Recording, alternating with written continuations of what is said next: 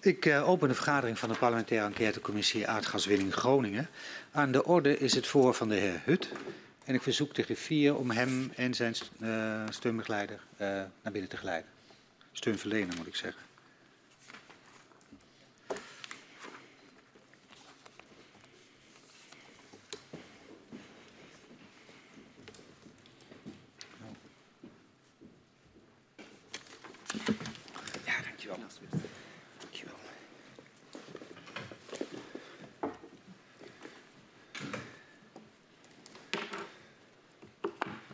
Welkom, meneer Hut. En Dank ook u. u van harte welkom, meneer Stroobach, hier bij de parlementaire enquêtecommissie aardgaswinning Groningen. 60 jaar aardgaswinning heeft Nederland veel gebracht, maar kent zeker voor gedupeerde schaduwkanten. De commissie onderzoekt hoe deze schaduwkanten hebben geleid tot het besluit om de aardgaswinning in Groningen te stoppen. We willen weten hoe de besluitvorming op cruciale momenten is verlopen. En we willen ook uh, meer kennis hebben over hoe de private en publieke partijen met elkaar hebben samengewerkt bij de gaswinning. Uh, we onderzoeken de aardbevingen en de ontwikkeling van kennis daarover, de afhandeling van schade veroorzaakt door de bevingen en het proces van het versterken van gebouwen in Groningen. U, meneer Hut, bent uh, enige jaren uh, als directeur voor de versterking actief geweest binnen het Centrum Veilig Wonen. En u zult hier optreden als getuige. u heeft aangegeven de belofte te willen afleggen en daarmee de waarheid en niets dan de waarheid te zullen zeggen. En daarom verzoek ik u om even te gaan staan. En mij na te zeggen, dat beloof ik. Dat beloof ik. Staat u nu onder Ede, mag u weer gaan plaatsnemen. Het voor met u zal worden afgenomen door mevrouw Kuik en mevrouw Thielen. En mogelijk dat mevrouw Van der Graaf op het eind ook nog enkele vragen aan u heeft. Dat is helder? Ja, uitstekend. Heel goed, dan gaan we van start. Uh, meneer Hut, uh, u was tussen januari 2015 en maart 2018 werkzaam bij Centrum Veilig Wonen, de uitvoeringsorganisatie van de NAM, die verantwoordelijk was voor de schadeafwikkeling en de versterkingsoperatie. U was betrokken bij de oprichting van Centrum uh, Veilig Wonen en vervulde daar de functie van directeur bouwkundig versterken tot uw afscheid in 2018. In dit voor gaan we het hebben over uh, het Centrum Veilig Wonen en uw rol en betrokkenheid bij de uitvoering van de versterkingsoperatie. Voordat u ging werken bij Centrum Veilig Wonen, uh, liep u al enige tijd rond in de bouw. Uh, Zo'n bijna 30 jaar werkzaam bij bouwbedrijf Wijnen van Wijnen in Groningen. In 2014 gaat u de rol, een rol spelen bij de oprichting van Centrum Veilig Wonen, de uitvoeringsorganisatie. Hoe raakte u betrokken bij de oprichting van Centrum Veilig Wonen? Nou, ik ben daarvoor gevraagd. Wij, uh, wij, deden in die tijd als Van Wijnen al, uh, al voorzichtig wat werk in, uh, in het schadeherstel. Dat was toen nog rechtstreeks in opdracht van de NAM. En Arcades was de partij die toen de NAM ondersteunde bij wat opnames en het in de markt zetten van werk. En in die periode uh, speelde dat de tender die uiteindelijk richting PSB zou moeten leiden. Hè, toen heette dat nog Project Service Bureau. Later hebben wij dat Centrum Veilig Wonen uh, mm. genoemd. Uh, en in die periode ben ik gevraagd door, door meneer Frans van der Meer, destijds werkzaam bij Arcades. Omdat het idee was dat als je deze mega-opgave zou willen klaren, dat het goed zou zijn om niet alleen kennis van, van processen en engineering van Arcades aan boord te hebben. En ook de kennis van CED als uh, grootschade expertisebureau. Maar dat er ook capaciteit nodig was vanuit de markt om het uiteindelijke werk te doen. En dan zou het handig zijn dat er uh, een partij aan boord was die daar kennis van had en die daar goed mee bekend was. Dus in die hoedanigheid ben ik gevraagd en heb daar uh, na aantal afwegingen ja op gezegd. Ja, u bent gevraagd. U, u zei een aantal afwegingen. Hoe ging dat? Wat waren de afwegingen voor u? Nou, die afweging was best wel lastig. Uh, want uiteindelijk wist ik, als we hem even heel plat slaan, dat als wij die tender zouden winnen, dat ik niet mocht timmeren. Uh, en het is wel wat lastig als je een timmerman vraagt of hij mee wil doen aan een wedstrijd en hij wint die wedstrijd, dat dan de beloning is dat hij niet mag timmeren. Ja. Dat, dat vond ik een lastige afweging. En het andere wat ook wel meespeelde, ik denk van ja, dit is een mega opgave waarvan ik eigenlijk vind dat, dat de spin-off, en dat is misschien niet het goede woord, maar zeg maar het oplossen van de ellende die er was, zou wel heel zonde zijn als de handjes die dit gingen doen van ver gehaald werden. Dus ik wilde eigenlijk ook borgen dat, dat we maximaal ons best deden om het werk te laten doen door mensen die daar woonden en in een aantal gevallen zelfs schade of ellende uh, hadden. Dus dat was voor mij de afweging om te zeggen, ja, dit moesten we toch misschien maar eens heel serieus gaan proberen. Ja, en wist u, ja, wist u had u goed voor, voor, uh, voor ogen wat precies de opdracht was? Nee. nee. Maar ik was in goed gezelschap, want volgens mij had niemand goed voor ogen uh, wat precies de opgave zou worden. Oké. Okay. Um, dan, dan, de bedrijven die de uitvoeringsorganisatie gaan vormen. Um, wat u zei, die mogen dus zelf niet die werkzaamheden gaan, uh, gaan uitvoeren. Um, kunt u nog een keer uitleggen waarom dat dan is? Nou, dat was eigenlijk wel, vond ik heel uh, logisch. Want op het moment dat je een bedrijf hebt die in eerste instantie schade afhandelen moet gaan doen en later ook bouwkundig versterken, wil je dat objectief en goed doen, is het niet handig dat diezelfde bedrijven ook opdrachten aan hun eigen broer, zus of dochter zouden kunnen geven. Dat leidt tot gedoe en, en, terecht, denk ik. Dus dat moet je netjes scheiden. En dat hebben we uiteindelijk, en dat komt later misschien nog voorbij, uh, verdeeld in een perceel 1, een perceel 2 en een perceel 3 in de uiteindelijke uh, bedrijfsvoering van uh, het Centrum Veilig Wonen. Okay. Dus ik vond dat een logische dat daar ja. een knip lag. Um, op 6 juni 2014 organiseert NAM een zogenoemde town hall meeting voor geïnteresseerde partijen die die uitvoeringsorganisatie willen gaan uh, vormen. Dan is er ook een presentatie met informatie over het aanbestedingsproces en wat de uitvoeringsorganisatie moet gaan uh, doen. Was u bij die informatiebijeenkomst aanwezig? Ja, was ja. ik aanwezig. En wat, wat, wat, wat, was u wat is u bijgebleven wat toen verteld is over die uitvoeringsorganisatie? Nou, een zaal vol mensen beneden in de kelder bij Van der Valk. Uh, Bart van der Leenput, destijds uh, directeur van de NAM, heeft daar uh, volgens mij het groot gedeelte van het verhaal verteld. En wat mij daarvan is bijgebleven is dat het een mega-operatie zou kunnen gaan worden. En niemand wist toen nog precies hoe groot of hoe klein die zou worden en hoe lang het zou duren. Mm -hmm. uh, waarbij het uh, in mijn herinnering ook duidelijk is uitgesproken dat de bedoeling was om de regio daar ook duidelijk een rol in te geven. Mm -hmm. Dus niet alleen de rol die ze automatisch hadden omdat de ellende daar gebeurde, maar ook in het sturen richting een oplossing en het uitvoeren van een oplossing. Dat staat mij bij dat daar genoemd is en ik ben daar vandaan gekomen met het idee van oeh dit is wel heel veel wat er op ons afkomt. Heel veel, zegt ja. u. Ja. ja. En u zegt de regio een rol moet gaan spelen. En wie bedoelt u dan met de regio? Ingenieursbureaus, schilders, vloerbedekkingsmensen, aannemers, stucadoors. zeg maar alle handjes in de volle breedte in de regio. Ja, wat u, wat u net ook zei, het zou jammer zijn als het uit de andere ja, niet alleen jammer. Dat, is, dat vond ik toen te voorzichtig uitgedrukt. Ik vond dat noodzaak, dat de noodzaak. regio daar maximaal bij betrokken werd. Ja, en dat was ook een van uw overwegingen om, om mee te doen? Dat is eigenlijk een van de belangrijkste overwegingen geweest om te kiezen om mee te doen aan een wedstrijd waarvan de hoofdprijs uh, uh, uitsluiting is. Ja. ja. Wat, uh, u zei als een mega-operatie. Um, werd er specifiek gesproken over wat er verwacht werd op het gebied van schade? Nee, dat staat mij niet bij. Wel dat er, er is keurig toelichting gegeven op het feit dat dat al een aantal jaren speelde. Mm -hmm. Dat er heel veel meldingen binnenkwamen. Dat de verwachting was dat die stroom uh, nog wel eens groter zou kunnen worden. Maar staat mij niet bij dat daar bedragen genoemd zijn. Kan ik mij niet herinneren. Nee. En dus geen bedragen uh, en ook niet qua aantallen of, of wat, wat ja, de, de, de, er zijn ongetwijfeld aantallen genoemd van schades die er tot dan toe, hè, tot de town, town hall meeting mm -hmm. zijn geweest. En we hebben ook aantallen meegekregen als opgave waarvoor we ons als PSB, schuine-streep CVW, moesten inrichten vanaf ons moment van uh, opengaan. Oké, okay, en wat voor soort opdracht was dat dan? Nou, wij hadden staan dat wij moesten uitgaan van uh, ongeveer uh, 600 schades. En we moesten uitgaan van een doorgroei in de eerste twee jaar naar maximaal 150 mensen. Oké, okay, 150 mensen aan de kant van het, uh, het Van het CVW, ja. ja, ja, okay. ja. Daar komen we straks denk ik nog wel op terug. Maar het is goed om een beetje een schets te krijgen dat hoe het begonnen is. Dat was toen een beetje het beeld wat denk ik in alle oprechtheid door iedereen gedeeld werd. Van dit zou het wel eens kunnen gaan worden. worden. Ja. En op het gebied van uh, uh, versterking? Wat was daar de, het beeld dat u meekreeg? Nou, niet heel veel. Uh, ik weet vanuit onze tenderperiode dat we een aantal keren in die concurrentiegerichte dialogen die we hadden uh, met de NAM... Mm -hmm hele bijzondere bijeenkomsten waar we op uh, vrijdag een hele bult vragen kregen. Waarvan we geacht werden op maandagmiddag rond een uur of twaalf al die vragen beantwoord te hebben. Dus dat heeft heel wat uh, vrije weekenden gekost in die tijd. in die discussie hebben wij een aantal keren wat ideeën gelanceerd over bouwkundig versterken. -hmm.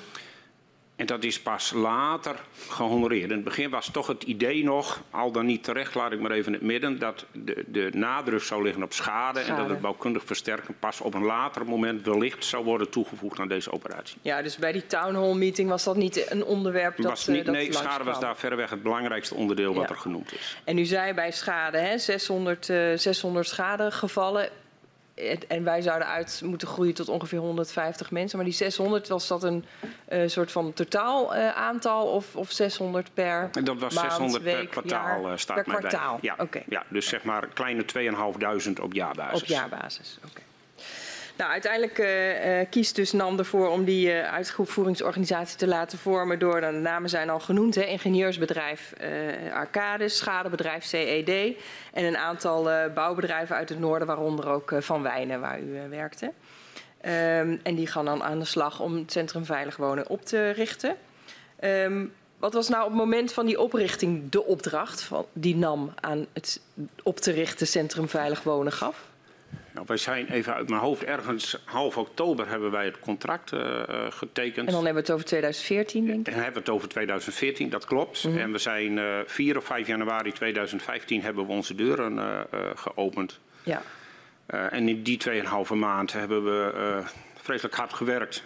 En meestal vergaderd bij Van der Valk in Assen, omdat we nog geen locatie hadden om ervoor te zorgen dat we de telefoon aan konden nemen op uh, 4 januari. Ja, maar wat, wat, dus u heeft 2,5 maand gewerkt om het te openen.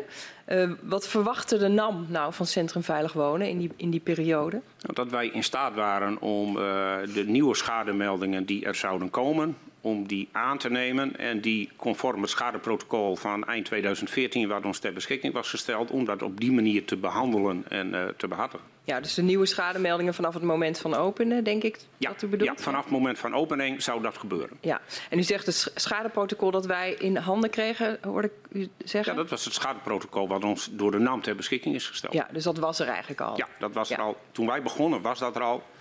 En wij vielen met de neus in de boter, want we hadden uh, uh, ergens in de kerstvakantie 2014 nog een redelijke beving. Waarvan wij sterk de indruk hadden dat heel veel mensen met het melden van schade hebben gewacht tot wij open waren. Mm -hmm. En begin januari nog één. Dus die 600 hadden we volgens mij binnen 14 dagen. In plaats van in het in kwartaal? In plaats van uh, in de eerste drie ja. maanden. Ja. En we hadden het er net al eventjes over, hè, schade en versterking. En u zei, hè, in ieder geval op die meeting in, in juni was versterken eigenlijk geen onderwerp. Uh, was uh, versterken een onderwerp in die periode tussen oktober en januari, toen u zeg maar, bezig ging met oprichten? Ja, toen was het besef wel al gegroeid bij een ieder dat daar ook wel eens een uh, deel van de opgave zou kunnen bestaan uit versterken. Oké. Okay. Ja. En hoe kreeg dat vorm, zeg maar, in, de, in het nou? Niet, niet an, in mijn herinnering niet anders dan dat er is gezegd van... joh, uh, begin met opname van schades. Nou, mm -hmm. dat is ook gebeurd. En in de loop van 2015 komt er meer duidelijkheid over de versterkingsopgave. En die wordt dan ook belegd bij het Centrum Veilig Wonen. Okay, dus dat is in mijn herinnering uh, de situatie van toen. Ja, dus het was een onderwerp, maar het was nog niet uitgewerkt en dat zou later komen. Nee, ja. dat klopt.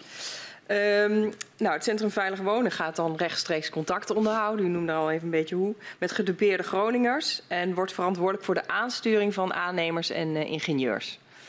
Uh, uh, inspecteurs, sorry. Het Centrum Veilig Wonen moet ervoor zorgen dat in Groningen de schades worden afgewikkeld en gebouwen worden versterkt. En Peter Kruid, afkomstig van CED en inmiddels overleden, wordt de algemeen directeur van het CVW. En u wordt directeur bouwkundig versterker. Nee, correctie. Ik oh. ben begonnen als directeur erkenningsregeling. Erkenningsregeling. Omdat, okay. ik al zei, op dat moment was bouwkundig versterken nog niet een prominent onderdeel. Maar wel het organiseren van marktcapaciteit in de uitvoering. Okay. Dus mijn eerste functie was directeur erkenningsregeling. Dat klinkt beduidend ingewikkelder dan dat het Precies. was. Maar ja, okay. ik, ik, moest ervoor zorgen dat de capaciteit georganiseerd werd en klaar stond uh, als de opgave kwam. Oké. En, dus die, uh, en die verantwoordelijkheden veranderden dus door de tijd heen. Ja, toen bouwkundig versterken een prominenter onderdeel werd en uh, ik geacht werd daar enig verstand van te hebben, uh, is mijn functie gewijzigd van directeur erkenningsregeling. Dat, was toen, dat stond ook netjes op de benen. dat had vorm gekregen, is mijn functie veranderd in directeur bouwkundig versterken. Ja. Um, dan uh, kom ik op het punt dat uh, duidelijk wordt dat uh, het CVW winst be behaalt. Na belasting blijft een resultaat over van ongeveer 2 miljoen tot 3,7 per jaar. Ehm, het werkt als een privaat bedrijf. Hoe, hoe werkt nou dat verdienmodel van CVW? Nou, dat was niet zo heel ingewikkeld. Uh, het, het, was een deal tussen twee private uh, commerciële bedrijven, zijn ja. de NAM en uh, het Centrum Veilig Wonen. En dat was opgebouwd uit in eerste instantie een kostprijs plus regeling. Dus gewoon een toeslag op de uren die er werden besteed. Ja, ja, oké. En, en u merkte misschien ook wel toen, toen dat bekend werd dat daar wat ophef uh, over Ja, daar ontstond wel wat ophef over. Het, is, uh, het was dus echt een duidelijke kostprijs plus regeling waarbij uh, staat mij bij in voorjaar 16 KPI's zijn toegevoegd. Ja, dat zijn KPI's, dat zijn kritische prestatieindicatoren. Ja, dat klopt. Ja. ja. ja. Gaan we nu wel op de afkorting, ja. maar dan weet iedereen even. Ja. ja. Klopt. ja, daar ontstond, uh, zeker toen dat het eerste jaar bekend werd gemaakt, uh, wel ophef over. Omdat wij merkten dat, dat in het gebied heel sterk het beeld leefde dat, dat dit, de winst van het CVW wellicht ten koste zou gaan van het geld wat ter beschikking was om de operatie te doen. Mm -hmm. en het beeld ontstond ook, hoe onterecht ook, dat de manier waarop wij omgingen met toekennen van schades invloed had op het verdienmodel van het CVW. Nou, Ja. beide was, dat, dat kan ik niet genoeg herhalen, pertinent onjuist. Ja. Kunt u zich iets voorstellen bij het beeld dat mensen hebben van ja, de schade uh, die we hebben moet hersteld worden en dan is het gek uh, dat er winst wordt gemaakt op het herstel? Ja, dat is, dat, dat, ik snap wel dat daar zorg over was. Van de andere kant was het zo, wij waren twee commerciële bedrijven. Zijn de NAM als onze opdrachtgever en degene die alle facturen betaalde en het Centrum Veilig Wonen die hun opdrachten uitvoerden. Ja. En het is heel normaal dat ieder commercieel bedrijf winst maakt. Dat vinden we met elkaar ook heel normaal. Wat wel spannend was, is dat het lastig was om uh, uit te leggen dat er geen koppeling was tussen uh, hoogte van uitgekeerde en toegekende schadebedragen Ja. en het verdienmodel van CVW. En dat, dat is nooit zo geweest. Dat hebben we ook steeds aangegeven. Maar je merkte toen wel al dat dat, dat was spannend en dat werd af en toe ook nog wel gevoed. Uh, door, uh, door de pers. Uh, omdat het ook leuker is om te vermelden dat er misschien een vermeende koppeling is, dan om te vermelden dat die er niet is. En die Zo. was er niet. Die was er niet. Want waar, waar is dan die, hoe gaat het? Waar, waar is die winstdoelstelling van Centrum Veilig Wonen op gebaseerd? Nou, exact weet ik dat niet, want het contract is gemaakt door de beide aandeelhouders van CVW, zijn Mhm. de Arcades en het CED. Die hebben ook die onderhandelingen gevoerd. En ik ben niet in dienst en ik was niet in dienst van een van beide aandeelhouders. Dus ik heb mij met die contractonderhandelingen inhoudelijk niet bemoeid. Nee. Uh, heeft u wel een idee uh, op welke manier er dan winst werd gemaakt? Ja, dus zoals ik net al aangaf, toeslag op de besteden uren. Een Ja. kostprijs plus uh, formule. Ja, dus hoe meer uren, hoe meer, uh, hoe meer er werd ingezet. Hè, hoe... Hoe meer er moest worden ingezet, hoe hoger het winstpercentage was. Ja. ja. Oké. Okay. En, en hoe, hoe, hoe, want u had het over Overigens een hele normale manier van contracteren van ingenieursbureaus. Hè. Dat is niet een, een unieke uh, situatie. Um, en, en die KPI's, um, op welke manier konden jullie die verbeteren of optimaliseren? Nou, die KPI's, daar is wel heel veel over gezegd vanaf. Uh, hè, want de eerste waren er, dacht ik, in maart 2016. En dat is eigenlijk wel doorgegaan tot het einde. Die KPI's waren er eigenlijk, uh, als je hem uh, vrij vertaalt, kwamen die erop neer. Dat wij, als wij het proces efficiënter maakten, beter maakten, bijvoorbeeld de doorloopsnelheid uh, verbeteren. U kunt zich voorstellen dat als iemand een schade meldt, tot het moment dat er een expert komt, dat het voor de betreffende bewoner plezierig is dat daar niet al te veel tijd tussen zit. Mhm. Mm -hmm. Nou, de tijd die daartussen zat was onderdeel van onze KPI's. Zo ja. waren er veel meer, maar het zat dus allemaal aan de kant van maak het efficiënter en probeer het uh, sneller te doen. En probeer rapportages op te, leven, op te leveren uh, zonder fouten. Zoals later bij uh, bouwkundig versterken uh, gebeurde. Dus ja. het, het, stond echt los van de absolute schadegetallen. Het, het had met efficiëntie te maken. En het was daardoor ook een, denk ik, een prima prikkel om de organisatie van het Centrum Veilig Wonen wat uh, scherper en professioneler uh, te maken. Is, ja. dat, is dat dan ook het voordeel van uh, een, een, dit, dit verdienmodel voor schadeafhandeling en, en versterken? Ja, ik denk dat het goed is. Ik denk voor elke organisatie, als jij in staat bent om je organisatie te verbeteren en efficiënter te maken, dan is het bij heel veel bedrijven die niet werken middels de formule van kostprijs plus, maar op een andere manier de kost verdienen. Zoals ik het nou doe. U weet, ik heb een bouwbedrijf. Nou, hoe efficiënter en hoe beter je dat doet, dat heeft invloed op je, uh, op je verdienmodel. Ja. Dus ik, ik vond en vind die koppeling heel normaal. Ja. Nou, um, uh, er zijn commerciële afspraken tussen CVW en NAM uh, afgesproken. Uh, daar staat dat Centrum Veilig Wonen werkt tegen de laagst mogelijke kosten. maar zonder compromis op de kwaliteit, klanttevredenheid en andere doelstellingen uit het contract. In hoeverre lukt dat nou om die belofte in de praktijk na te komen? Nou, redelijk goed, denk ik. In, tenminste, in mijn perceptie uh, redelijk goed. Kijk, wij, wij werden geacht het, het proces goed, zorgvuldig, correct te doen. Mm -hmm. Ook zo efficiënt mogelijk te doen. Um, en dat maakte soms dat wij uh, dingen anders moesten organiseren. Automatisering heeft daar bijvoorbeeld een hele belangrijke rol in gespeeld uh, al die jaren. Om processen en het maken van rapportages te automatiseren. Um, maar soms was het ook nodig om uh, de personele bezetting uit te breiden. Om de kwaliteit te verhogen en de dienstverlening te kunnen leveren die noodzakelijk was. Ja. En dat hebben we gedaan. Ja. Het, het kan soms ook misschien tegenstrijdig zijn, van zo laag mogelijk kosten, maar wel hoge klanttevredenheid. Hoe, hoe, hoe, ja, hoe moet ik dat nou zien? Zit ja. daar nou spanning tussen of niet? Nou, daar zou spanning tussen kunnen ontstaan. Maar die hebben wij eigenlijk nooit echt ervaren, uh, nee. moet ik zeggen. Omdat wij uh, gekeken hebben om het zo efficiënt en goed mogelijk te doen. Daar kregen we ook alle ruimte voor van de NAM. Hè, want de NAM heeft nooit tegen ons gezegd... Goh, je komt in die buurt van die 150 of je gaat er overheen. Als het nodig was, dan uh, werd dat geregeld. En we hebben met name de tevredenheid van de bewoners. In het begin hebben wij door, door het bureau Customize een, een professioneel bureau die, die uh, klanttevredenheidsmetingen doet, hebben wij metingen laten doen. Met name in het begin over het schadeproces. Van hoe ervaart u nu het contact en de voortgang van, uh, van de acties van het Centrum Veilig Wonen? Ja, dan gaan we straks nog even verder, uh, verder op door. Hoe dat in de tijd eruit ziet. dan nog even naar, naar die beginperiode. U bent uh, ook directeur van het uh, regiokantoor van Van Wijn in Groningen. Ja. Uh, deze combinatie leidt in de regionale media, maar ook bij de gemeenteraad van Loppersum tot, tot kritiek. En dan legt u in augustus 2015 ehm, uw functie bij Van Wijnen neer. En het trekken, het trekken de bouwbedrijven, waaronder Van Wijnen, zich uit het Centrum Veilig Wonen. Waarom stopte u met uw baan bij Van Wijnen?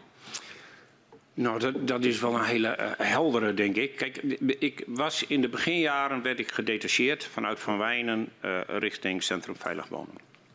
In die tijd deden wij ook nog werk. Daar ontstond voor een deel ook wel de commotie uh, over. Maar dat werk deden wij nog vanuit de periode dat Arcades en NAM dat samen deden. En dat was geen werk van Centrum Veilig Wonen.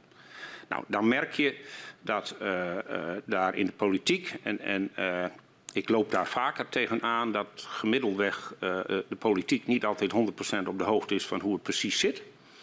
Uh, werden daar conclusies uh, getrokken. En ik merkte in die tijd dat je kunt dan zelf vinden dat je integriteit niet ter discussie staat, maar als een ander dat wel doet, mm -hmm. terecht of onterecht ook, dan kom je met de vingers tussen de deur. En ik ben wel een type die liever niet heeft dat een ander voor mij beslist wat verstandig is. Dat doe ik dan liever zelf. Dus toen heb ik gezegd, joh, er is maar één manier om hier goed uit te komen. Dan moet ik of kiezen om niet in het Centrum Veilig Wonen te gaan zitten en weer volop eh, met Van Wijn aan de slag te gaan. Of de stap maken om naar Centrum Veilig Wonen te gaan fulltime.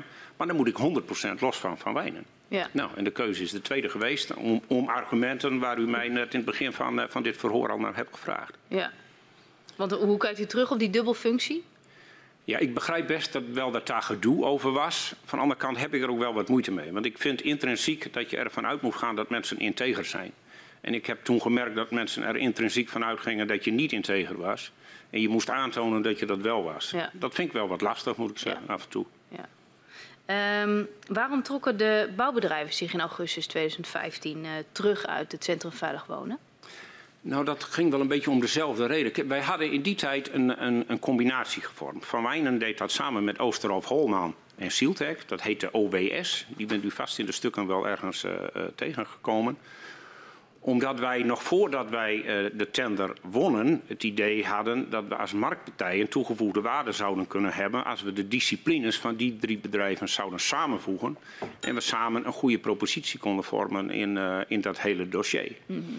Nou, toen ik vertrok bij Van Wijnen en daar naartoe ging, uh, hebben die bedrijven gezegd om nou elke schijn te vermijden dat alleen meneer Hut degene is die vertrekt en de rest blijft hetzelfde, dan zou daar nog weer onduidelijkheid over kunnen ontstaan.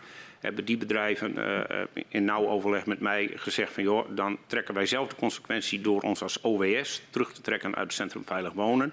En daarmee ook weer vrij te zijn om gewoon mee te denken naar werk wat er uit dit dossier komt. Dus uh, daardoor konden ze ook meedoen uh, aan werk uh, als het gaat bijvoorbeeld om versterking? Ja, ja. klopt. Oké. Okay. Um, welke afspraken waren er over welke aannemers in opdracht van Centrum Veilig Wonen werkzaamheden mochten uitvoeren? Nou, dat was in het begin gekoppeld aan, aan de erkenningsregeling. We hebben die erkenningsregeling uh, in het uh, leven geroepen. Ik zei net al, dat was de eerste periode een beetje mijn dagtaak. Mm -hmm. uh, waarbij we zeiden, joh, wil je dit kunnen doen? Dit is toch wel wat ander werk dan normaal. Als je normaal een aannemer of een timmerman of een schilder of een loodgieter thuis vraagt, doe je dat omdat je wilt verbouwen, wilt onderhouden, wilt uitbreiden of nieuw bouwen. Over het algemeen is dan de aanleiding leuk en positief. Want je kiest er zelf voor. In deze situatie was het zo dat de bouwvakkers, als ik ze even op één beeld veeg en bouwvakkers noem, mm -hmm. uh, kwamen over de vloer eigenlijk ongewild en ongewenst. En die moesten werkzaamheden doen waar de mensen niet op zaten te wachten. Dus wij zeiden, het zou goed zijn om uh, iedereen die op stap gaat in de volle breedte, in elk geval een stukje kennis en kunde mee te geven, om, uh, om dat goed te kunnen. Ik heb gekscherend in die periode wel eens gezegd, uh, als ik het netjes verwoord, dat de gemiddelde techneut niet behept is met een overontwikkeld empathisch vermogen. Dan zeg ik het heel voorzichtig. Maar dat, dat, was, dat was ook zo in die periode. Dat Daarna, merkten jullie? Ja. Kregen jullie dat terug? Of dat zegt u? Kregen, kregen jullie dat terug? Nee dat, nee, dat kregen we niet alleen terug. Maar als je uh, zoveel jaar in die bouwwereld hebt gewerkt en je bent zelf techneut, dan herken je dit wel een beetje. Zo ingewikkeld is dat niet. Ja. Uh, waarbij je ook, ook wel zag toen al dat op het moment dat je als bouwvakker bij mensen binnenkomt, mm. En je moet een schade herstellen waarvan de mensen zelf vinden dat die niet goed beoordeeld is of onvoldoende vergoed wordt, dan is uh, degene die aan de deur komt om de schade te herstellen, die krijgt 9 van de 10 keer uh, uh, of een klein beetje mee of de volle laag over dat het toch eigenlijk wel schandalig is en dat die niet gewenst is en dat het niet op prijs gesteld wordt dat je langskomt. Mm. Dat is vervelend. Dus ja. daar moet je leren een beetje mee om te gaan. En hoe deden jullie dat? dat, dat, dat uh... Nou, daar, kreeg, daar, kregen die mensen training in. We hadden ja. los van, van dit deel, hadden we ook uh, gezegd van je moet minimaal een VCA-diploma hebben. Hè, veiligheidschecklist aannemers. Oké. Okay. En je moet een vakdiploma hebben of minimaal, ik dacht uit mijn hoofd, vijf jaar relevante werkervaring in dat vak zodat we zeker wisten dat mensen die we op stap stuurden langs bewoners, ja. dat die in basis wisten wat ze aan konden treffen, los van uiteraard hun eigen vak, wat ze wel beheersten, maar wisten, we komen af en toe aan de deur en we worden niet met een schouderklopje met koffie onthaald. Ja. En daarom hebben we die erkenningsregeling in het leven geroepen. En daar hebben we, nou ik heb het niet in mijn hoofd, maar ik denk enkele tientallen voorlichtingsavonden gehouden. En we hadden tussen de 54 4500 en 5000 uh, bouwvakkers in de volle breedte die voorzien zijn van een diploma.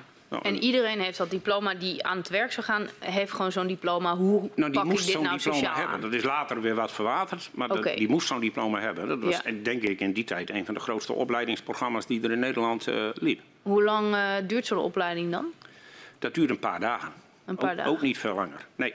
Nee, maar we hadden capaciteit nodig. En de Ja. gemiddelde bouwvakker is ook niet eentje die je blij maakt als je hem een week eh, in een zaaltje zet om hem te onderrichten. Nee. Dus dat deden we in wat etappes. Eh, in een gezonde balans van, eh, waarin het nog eh, werkte. En die kosten werden door de NAM vergoed. Oké. Ehm, en in hoeverre werden nou ook opdrachten echt gericht aan, aan, aan, lokale ondernemers gegund? Nou, zoveel mogelijk. Ja. U Ja. gaf aan aan het begin van hè, het werk moet in de regio terechtkomen. Hoe, hoe, hoe kon u daarvoor zorgen? Nou, dat, dat was niet zo vreselijk moeilijk. want ieder bedrijf heeft naast de naam ook een adres en een postcode. Dus je kon prima zien of ze uit de regio kwamen, ja of nee. Ja. Ja, en er waren in die tijd ook wel bedrijven die waren in het midden van het land gevestigd. Die hadden een brievenbus eh, in Ten Boer. Zodat ze in de regio gevestigd waren. Nou, daar waren we in het begin redelijk scherp op.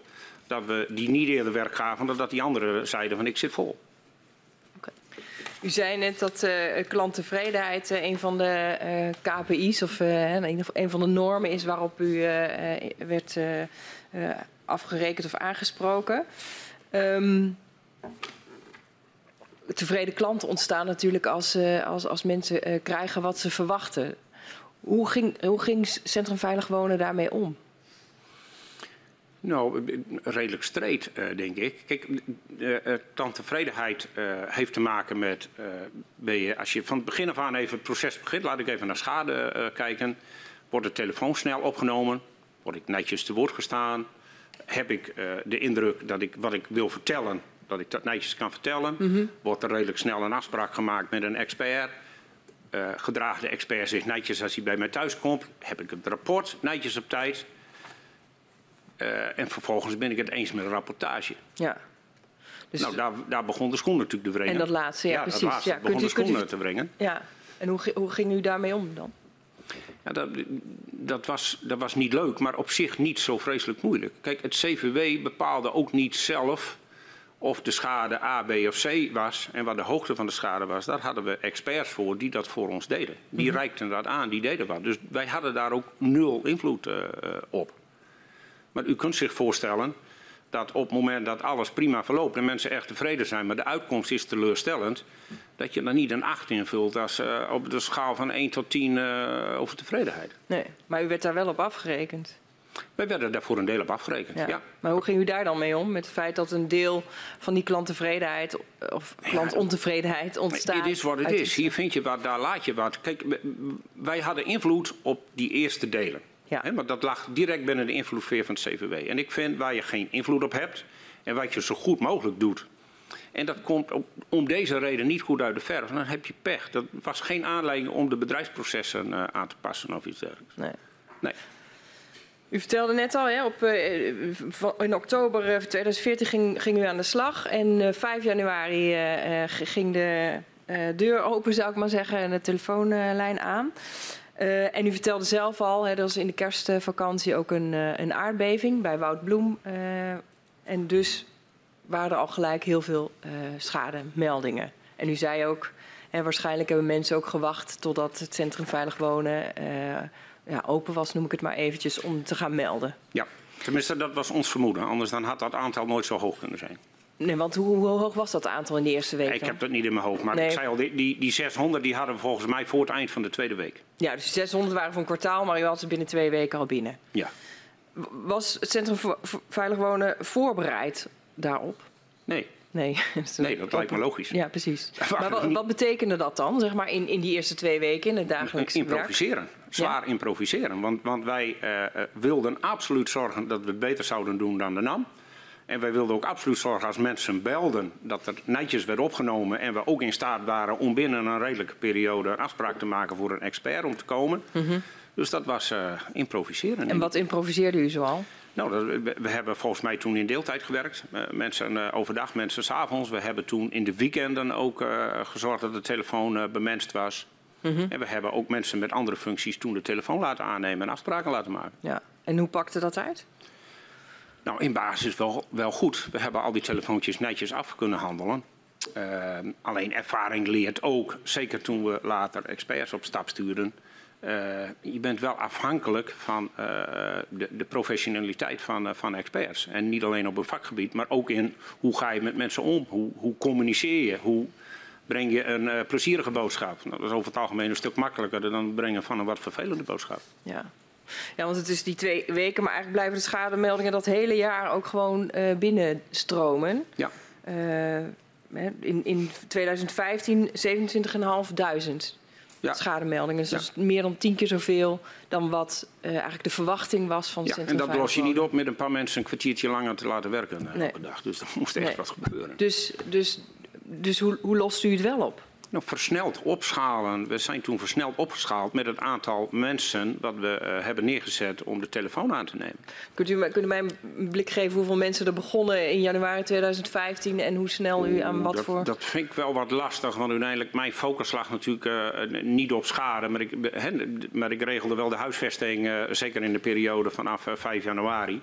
Welke uh, huisvesting regelde u? De, de huisvesting van, uh, van ons als CVW. Okay, we ja. hadden een dak boven ons hoofd nodig, dus we hadden ook huisvesting. U was daarmee bezig, ja. ja dus uh, we, we, hadden in het begin denk ik een man of 6, 7 aan de telefoon zitten. En dat breidde al snel uit tot 30 plus. Dat hm. ging heel snel. Heel snel, ja.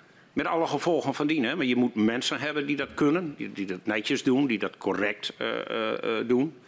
Uh, bij voorkeur ook mensen uit de regio. Nou, dat lukte aardig. En, en, je merkt, dat is in elk landsdeel zo, maar ook in Groningen, als mensen boos zijn, dan is het soms het communiceren in, in je eigen dialect een stuk eenvoudiger dan, dan in keurig ABN.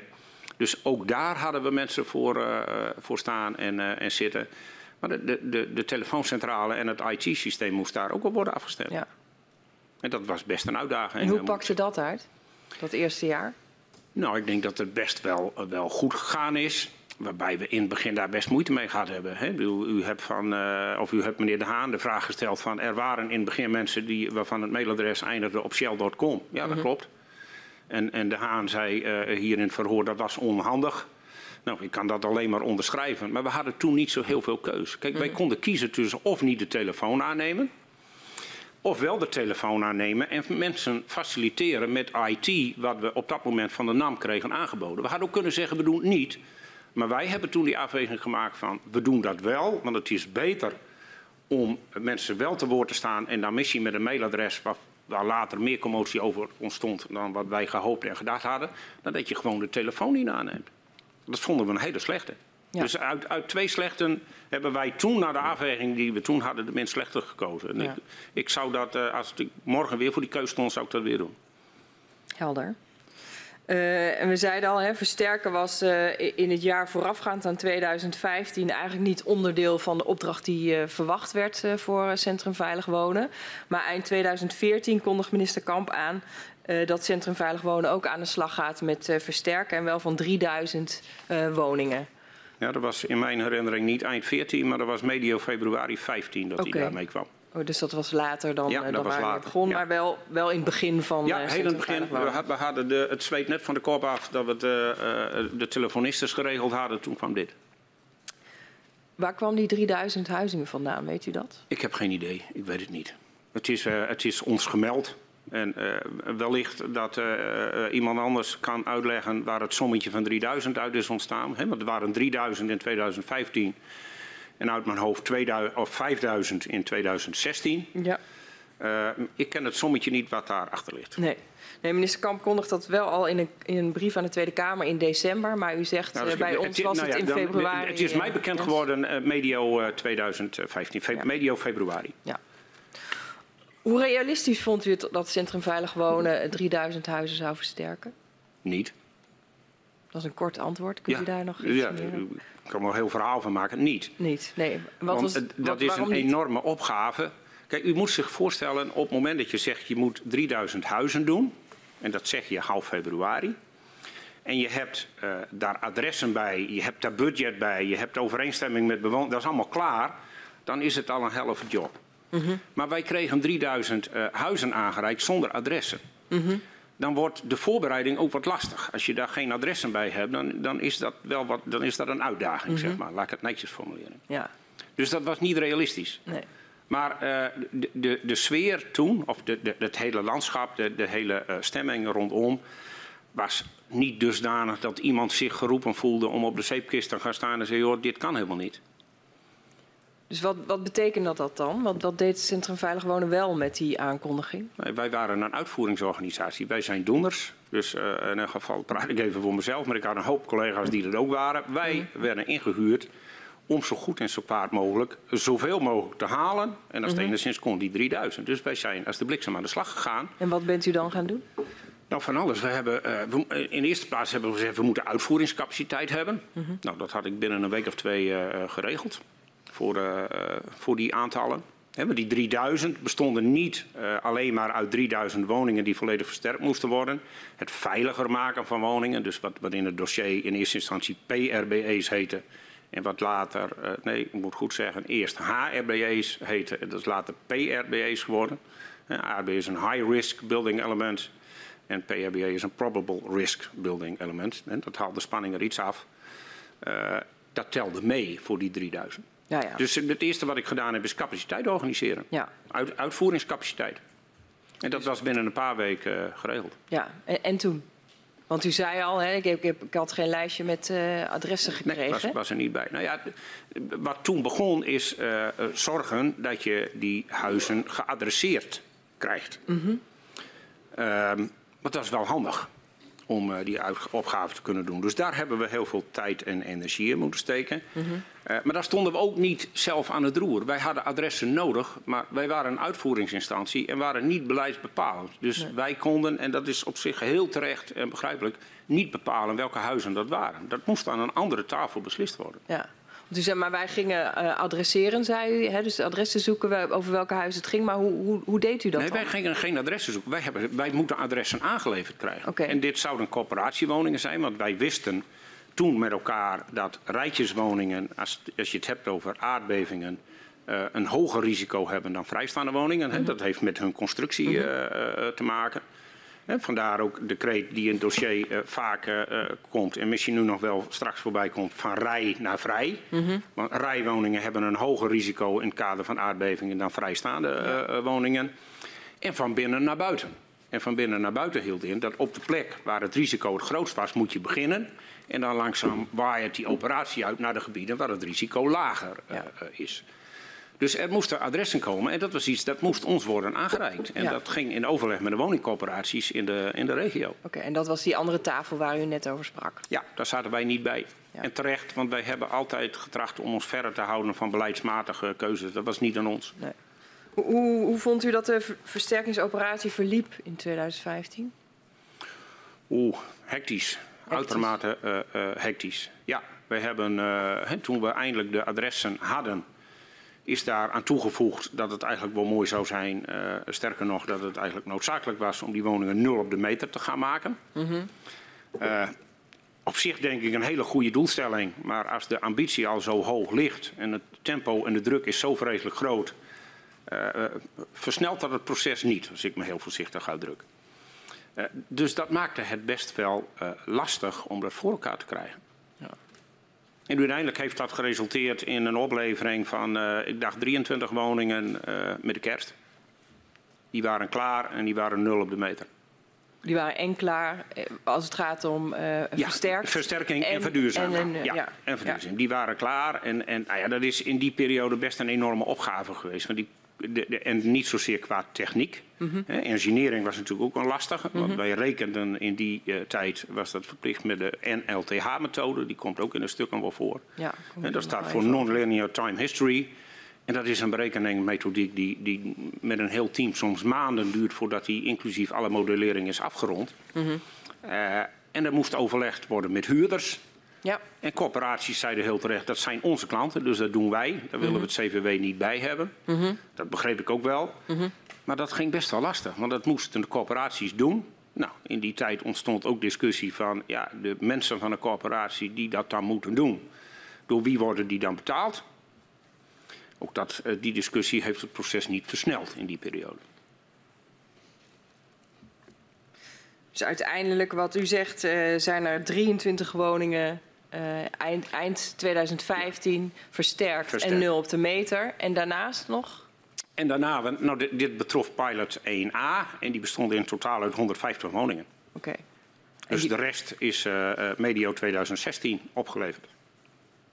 En daarbij opgeteld moet dan worden, wel worden het aantal uh, HRB's wat we in die periode deden voor de, voor de telling. En de, de HRB's zijn die high risk uh, Building elements. Ja. elements. Ja. En, en, dan hebben we het met name over schoorstenen waarschijnlijk. Ja, nou, grotendeels waren schoorstenen, maar het waren ook wel balkons, ornamenten, uh, uitkragingen. Ja. He, maar, maar het merendeel van waren, een, bak, van waren gebouw, schoorstenen. Ja, die aardbevings. Klopt. Waarbij we voor een deel hebben we die schoorstenen vervangen door lichtgewichtschoorsstenen. Mm -hmm. Uh, en, en die lichtgewichtschoorsstenen waren deels voor de sier. Mm -hmm. En voor een ander deel zat er ook nog wel een rookkanaal in. in. En in een enkele situatie hebben we er een pakjeskanaal in gemaakt. Omdat de bewoners vonden dat toch ook Sinterklaas zijn werk moest kunnen doen. Ja, we lachen erom, maar het waren toen serieuze onderwerpen waarom mensen vonden dat die schoorsteen open moest zijn. Ja. En voor een deel zijn ze ook gewoon verwijderd. Uh, en dat was ook best nog wel lastig in die periode, want uh, u kunt zich voorstellen, sommige bewoners vinden het prima dat de schoorsteen eraf gaat.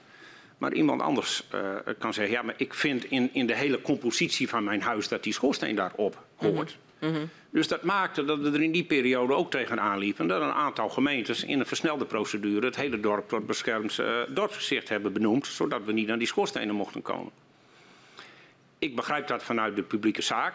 Maar ook dat kwam de, het tempo van mijn operatie niet ten goede. Nee, want u kreeg dus in februari de opdracht om 3000 huizen te gaan versterken. En eind van dat jaar heeft u er 150 ongeveer uh, gedaan. En... Nee, ik, ik, heb niet de exacte getallen in het hoofd, maar 23 woningen en, en ik denk toch wel 500 plus uh, HRBE's die we hadden gedaan. Uh, ja, oké. Okay. Ja. En als ik zo naar u luister, denk ik dat ik, dat ik hoor dat u zegt, ja, wij waren daar niet op voorbereid. Als Centrum Veilig Wonen voor die versterkingsopgave in dat jaar 2015? Nou, niet, dat, dat, nee, dan moet ik het iets nuanceren. Kijk, wij hebben ons daarop voorbereid toen die opgave kwam. En net al uitgelegd, die opgave kwam bij ons redelijk onverwachts uh, binnen. Mm -hmm. Maar vanaf dat moment zijn we volop met die voorbereiding uh, ja. bezig gegaan. Ja. En, nog, en dat schiet me nu er binnen. Wat ook wel speelde, is dat we in die periode dat wel allemaal moesten doen binnen de uh, regelgeving zoals we die in Nederland zorgvuldig met elkaar hebben gemaakt. Dus ik, ik kan mij nog herinneren dat wij een hele discussie bijvoorbeeld hebben gehad met het RVO. Omdat uh, wij de woningen waar we aan zouden gaan werken zogenaamd natuurvrij moesten maken om te voorkomen dat daar potentiële broedplaatsen van vogels werden ja. belemmerd en afgesloten. Ja, dus u beschrijft een heleboel elementen die en daarnaast hadden we nog een afdeling welstand van de provincie. Mm -hmm. Ook uh, heel legitiem. En daar hebben we in dit land ook voor gestreden om dat voor elkaar te krijgen. Maar, maar wij hadden een veiligheidsissue. En we hebben bijvoorbeeld weken gesproken over de kleur van de hemelwaterafvoering van die woningen. Ja. ja. Nou, als je uh, kijkt naar de uitstraling van de woningen, denk ik een hele goede discussie. Als je kijkt naar het veiligheidsrisico wat we toen met elkaar hadden, dan uh, vind ik daar enige spanning zitten in prioriteit. Wie vindt u dat verantwoordelijk is voor deze opdracht en de, uh, en de toch wel ingewikkelde voorbereiding die dat eigenlijk had gevergd? Daar vind ik niet zoveel van, denk ik. Wij, wij, waren een uitvoeringsorganisatie en wij kregen die opdracht. En die hadden we uit te voeren. En de NAM was ons opdrachtgever en die gaf ons die opdracht. Ja. Dus wij hebben ons niet bemoeid, toen bewust niet, en, en dat ga ik nou ook niet doen, uh, wie verantwoordelijk was uh, voor die opdracht. Wij kregen die opdracht en onze taak was om die opdracht uit te voeren. Um, nog even op dat punt. U gaf, een, u gaf even een, nou, voorbeeld. Heel beeldend kwam er binnen heel veel discussie over de kleur van de, de, afvoer van het hemelwater. De, daar dacht u van, nou dat duurt me te lang. Was er ook ergens een, een, een, ja, een moment om dat aan te kaarten? Jawel, wij hebben dat wel aangekaart. Maar onze rol ging ook niet veel verder dan dat, dat aankaarten. Kijk, wij hadden, hadden niet, en nogmaals heel terecht vind ik, want wij waren een private organisatie en die moet wegblijven van, van beleid en, en, regels die de overheid met elkaar heeft gemaakt en die de overheid moet, ook moet handhaven. Mm. Maar wij hebben uiteraard geadresseerd dat dat tot vertraging uh, leidde. Bij wie uh, kon dat, dat hebben doen? we bij de diverse gemeentes gedaan. Ja. ja. En kwam daar dan nog iets op terug? Ja, dat het vervelend was. Oké. Okay. En die, um, die, constatering begreep ik wel. Ja. Um, we willen met u nog even wat uitgebreider stilstaan bij het proces uh, van bouwkundig versterken. Uh, dus het zou fijn zijn als u ons daarin uh, mee wil nemen. Um, kunt u bijvoorbeeld uitleggen hoe het verschilt tussen versterken van schadeherstel? Het verschil tussen versterken, het, het verschil tussen versterken en schadeherstel. Oh, zo bedoelt u. Um, nou, dat, moet ik even denken hoe ik dat op, op, op een goede manier. Soms gaat het samen, maar ik zal beginnen als het apart is. Als je het hebt ja. over schadeherstel, dan zit er bijvoorbeeld een schuur. Dat is, het, dat is het meest tot de verbeelding spreken. Ja. En die moet worden hersteld. Even los van de techniek, hoe je dat doet, moet dat worden hersteld. Als je het hebt over versterken, gaat het bijvoorbeeld over de koppeling tussen een verdiepingsvloer en een zijgevel. Of de koppeling tussen een dakvlak en de overgang van dat dakvlak met de zijmuur van de woning. Uh, daar is nog geen schade. Tenminste, niet zichtbaar. Soms als je het lostrekt is die er wel. Maar daar is nog geen schade. En daar voer je dus werkzaamheden uit. Niet om schade te herstellen. Maar om te voorkomen dat er gebeurt wat je niet wilt als er een aardbeving is. Nou, dan heb je nog, dan heb je nog de zogenaamde in-plane en out-of-plane versterkingen. Als je het hebt over in-plane moeten ze voorstellen als je deze wand zo neerzet dat hij in die richting al redelijk stijf is, maar in die richting niet. En dat was ook met metselwerk zo. Metselwerk is natuurlijk heel veel gebruikt uh, in de regio en ook in Nederland. Maar als je het hebt over aardbevingsbestendigheid, is het een van de, van de slechtste constructies die je kunt hebben. Dus en... dat, dat is echt versterken, ja. om daar wat aan te doen. En schadeherstel is echt het herstellen van schade die al is opgetreden. En hoe zit dat dan in het proces? Welke stappen moeten dan anders worden genomen tussen die twee? Uh... Nou, bij schadeherstel is zo dat je schade ziet of kunt zien. En dan beoordeel je die schade. En even los van of het A, B of C is, laten we daar hem voor dit, ja. dit deel van, van het verhoor even bij wegblijven. Uh, en dan wordt er uh, een keuze gemaakt van hoe herstel zou moeten plaatsvinden. Hoe herstel zou kunnen plaatsvinden. Daar wordt een stuk techniek aangeknoopt en daar wordt een bedrag aangeknoopt. En dan heb je het over schadeherstel. Voor bouwkundig versterken zul je een opname moeten doen van het betreffende pand. Of het nou een woning is, of een school, of een verzorgingshuis of een boerderij. Moet je opname doen hoe het er nu uitziet. Mm -hmm. Dat kun je uh, doen middels tekeningen. Maar ervaring leert dat uh, uh, in willekeurige volgorde er vroeger niet altijd conform tekening 100% netjes is gebouwd. Mensen hebben wel eens verbouwingen uitgevoerd die niet op tekening staan, om wat voor reden dan ook. Dus was het noodzakelijk om gewoon naar binnen te gaan en te kijken wat, wat tref ik daar aan, wat zie ik daar. Nou, dan moet er een stuk engineering plaatsvinden, dus het doorrekenen van de constructie om te kijken of die sterk genoeg is.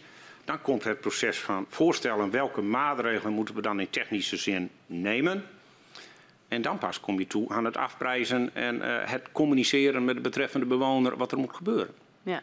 Dus er is echt een wezenlijk verschil, ook met name in doorlooptijd en ook in intensiteit van wat er allemaal moet gebeuren. Hoe, uh, ja, hoe zou je dat uh, ja, in tijd kunnen, kunnen vergelijken met elkaar? Schadeherstel is, in, als ik het zo hoor, simpeler te doen dan versterking? Hoe, hoe zit dat in de tijd? Ja, schade simpeler. Als je het hebt over, over normale, simpele schades, er waren natuurlijk ook wel ingewikkelde schades. Ja. Hè, maar uitgaande van een eenvoudige schade is dat zo. Ja, ik, ik, kan daar geen, geen algemene richtlijn voor geven, omdat het echt uitmaakt of je aan een woning uh, maar een paar verbindingen moet versterken. Of dat het zelfs zover gaat dat de bewoners eruit moeten en eigenlijk alle gebouwonderdelen moeten worden aangepakt. Dus dat, nee. het is niet mogelijk om daar een, een, algemeen verband in aan te geven wat altijd opgaat. Nee.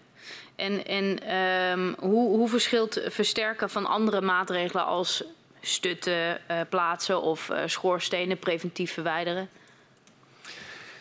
Nou, daar zit ook wel een redelijk uh, groot verschil in. Kijk, op het moment dat je bijvoorbeeld stutten plaatst, dan doe je technisch gezien op dat moment niet meer naar datgene wat verzwakt is of waarvan je vreest dat als er bij een aardbeving iets gebeurt dat het stuk gaat. Zet je preventief iets onder of tegenaan om te zorgen dat niet gebeurt wat je niet wilt. Ja. Uh, versterken is echt, uh, en, en, dat is eigenlijk zeg maar simpel een noodmaatregel. Mm -hmm. want die stutten kun je niet laten staan. Versterken is echt het uitvoeren van werkzaamheden die, als ze klaar zijn, maken dat de woning bestand is tegen een aardbeving van een bepaalde sterkte, zoals we die met elkaar hebben afgesproken. Ja. Heeft u de verschillende stappen al even doorgenomen, wat er allemaal uh, nodig is? Hè? Ook die engineerfase. Um, wat is volgens u nou de ingewikkeldste stap in die hele, um, dat hele proces van versterken? In, in welke zin bedoelt u ingewikkeld? Nou ja, um, als we kijken, uh, is, er, is er voldoende menskracht? Um, kost het veel tijd om, om dingen door te rekenen? Zo zit ik het. Ja, op. Ja, want ja, dan is het mij wel helder. Uh, de, de engineeringsfase, de inspectie- en engineeringsfase, is dan de meest ingewikkelde. En waarbij ingewikkeld eigenlijk niet helemaal het woord is wat de lading goed uh, dekt. Um, en dat moet ik dan toch maar toevoegen om te voorkomen dat mijn collega techneuten zeggen: je hebt het niet goed verteld.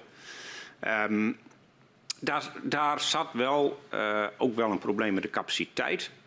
En dat had met een aantal oorzaken te maken. Wat ik net al aangaf, wij moesten beginnen, uh, heel in het begin, uh, eh, 15, met alles door te rekenen met de NLTH-methode. En dat is een methodiek die bijvoorbeeld ook gebruikt wordt voor doorrekenen van kerncentrales. Dat is een hele zware, maar uiterst gedetailleerde, nauwkeurige techniek. Uh, dat was destijds ingegeven. En ik vond dat op zich best een hele begrijpelijke. Van als we het doen, moeten we het goed doen. Dan moeten we echt weten wat er met zo'n woning aan de hand is. En dan moeten we ook echt weten welke krachten daarop komen. En dan moeten we ook heel goed weten welke maatregelen we daar moeten treffen. Om zeker te weten dat we dat goed doen. Ik heb daar heel in het begin eens wat sommetjes uh, uh, van gemaakt. En als je dan, want wij hadden teams all over the world daarmee aan de slag. Jullie mm -hmm. hebben het er in de stukken ook kunnen zien. Maar als wij alle woningen die we toen moesten doen, één op één moesten doorrekenen met de NLTH-methode. En we hadden alle teams in de wereld die dat zouden kunnen. Dan kwam mijn sommetje toen in theorie uit op het fabel, uh, fabelachtige getal van 88 woningen per jaar. Als je dat afzet tegen dik 20.000, dan is 2028 een uitdaging, zeg maar. Dat kwam, dat kwam gewoon niet goed. Nee. Dus wij hebben toen ook al in die periode gezocht van... Hey, hoe kunnen we nou op een verantwoorde manier toch een stuk versnelling geven aan die engineering? Want ook die uitvoeringscapaciteit die stond klaar en die wilde wel aan de slag. Maar ja. dan moet je wel eerst weten, wat moet ik nou wat maken? Wat moet ik bestellen? Waar moet ik mee aan de slag? En wij liepen er in die tijd ook wel tegenaan. En dat is ook wel een beetje inherent aan als je begint met een opgave die niemand echt heel goed kent. Mm -hmm. Dat wij uh, windverbanden, zeg maar kruisen, moesten aanbrengen in een gevel die te zwak was. Ja, en die kwamen voor het raam langs. Uh, dus daar kwamen nu dan... lachen we erom, maar op dat moment denk je, ja, dat, daar hoef je niet mee naar een bewoner met de vraag of hij dat goed vindt, ja of nee. nee. Dat antwoord ken je wel. Dus moet er op een andere manier opnieuw geëngineerd worden. En dat is best wel een, uh, dat was een lastige. Was daar nou geen andere methode voor? Want u, u, u zei die methode, dat was echt nou, stevige techniek, wat ook voor kerncentrales uh, gebruikt werd. Was er niet een andere methode al, al beschikbaar? Of? Nee, die, die was er, tenminste voor zover wij wisten, niet. Maar in het hele proces is daar natuurlijk wel heel veel uh, gebeurd. Want wij werkten toen met de, de groene versie van de NPR 2015. Die is eind dat jaar zo even uit mijn hoofd van kleur verschoten. Toen is, is die wit geworden. Een bouwnorm? Ja, de bouwnorm.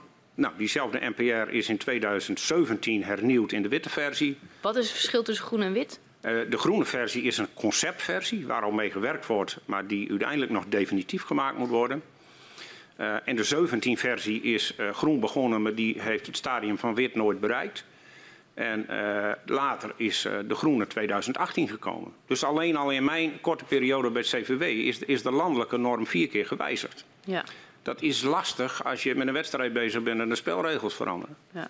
En ik, zo... ik, snap dat het moest, geen discussie daarover, maar het was best wel lastig. En we hebben ook wel heel intensief gezocht naar eenvoudigere methoden, maar dat is waar u naartoe wilt. Mm -hmm. van, kun je niet op een eenvoudiger manier dat doen?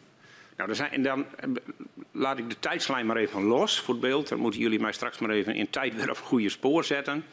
Maar er is later bijvoorbeeld gewerkt met de NLPO. Dat is de push-over methode. De non-linear push-over methode die is uh, even in lekentaal wat eenvoudiger uit te voeren. Is ook minder nauwkeurig, maar nauwkeurig zat om te bepalen hoe sterk een woning is en wat je zou moeten doen. Wij hebben in die tijd ook al voorzichtig gesproken over wat later expert judgment uh, is gaan heten. Dat houdt dus in dat als je een bepaald type woning al twee of drie keer hebt doorgerekend met een hele gedetailleerde methode en je komt opnieuw bij zo'n woning waarvan je zegt, goh, die ziet er eigenlijk 100% hetzelfde uit als die andere die ik gehad heb, mm -hmm. kan ik dan niet zeggen van deze woning zal dezelfde uitkomst geven als die woningen die ik al heb doorgerekend. Ja. Dat is expert judgment. Daar zat best een nadeel aan, niet vanuit de techniek, maar wel vanuit de rol die de overheid in deze heeft, waarbij er is gezegd, iedere bewoner heeft gewoon recht op een versterkingsadvies en een analyse van zijn of haar huis. En op het moment dat ik hem kopieer en ik zet er een andere adressticker voor op en een voorblad waarin ik zeg deze verschillen heb ik geconstateerd, vonden onze overheidsinstantie dat best nog wel spannend om te zeggen dit is een versterkingsadvies voor uw huis. Ik begrijp dat, maar ik moest er wel mee dealen, want dat, ook dat kwam de versnelling niet ten goede. Nee. Want u heeft een opgave, u moet het tempo maken. Ja. En aan de andere kant um, zegt u, nou, we hebben een mogelijkheid om te versnellen. Uh, maar dat, werd dat... Nou, dat werd niet tegengehouden. Nee, dat werd, maar er, er was begrijpelijk vanuit de verantwoordelijkheid van, van andere partijen wel zorg over, is die dan valide? Is die voldoende getest? Is dan na uh, deze operatie die betreffende woning ook aantoonbaar ja. op norm? En, en wij moesten inderdaad tempo maken. Maar niet alleen omdat we dat moesten, maar ook omdat we dat wilden. Want in die tijdspannen leefden wij zelf eh, met elkaar in dit hele dossier ook nog uh, in de perceptie van toen dat er echt een risico-issue was. Wij waren werkzaam in een gebied waar dagelijks een risico-issue was. En dat werd niet ingegeven doordat we een contract hadden of een minister hadden die aantallen hadden genoemd die we moesten halen. Maar omdat we oprecht ervan overtuigd waren dat wat wij op maandag niet deden, dinsdag gevolgen zou kunnen hebben. Ja. Dat was wel de dynamiek van toen. Is dat dan paniek? Nee, dat, was, nee, dat is geen paniek.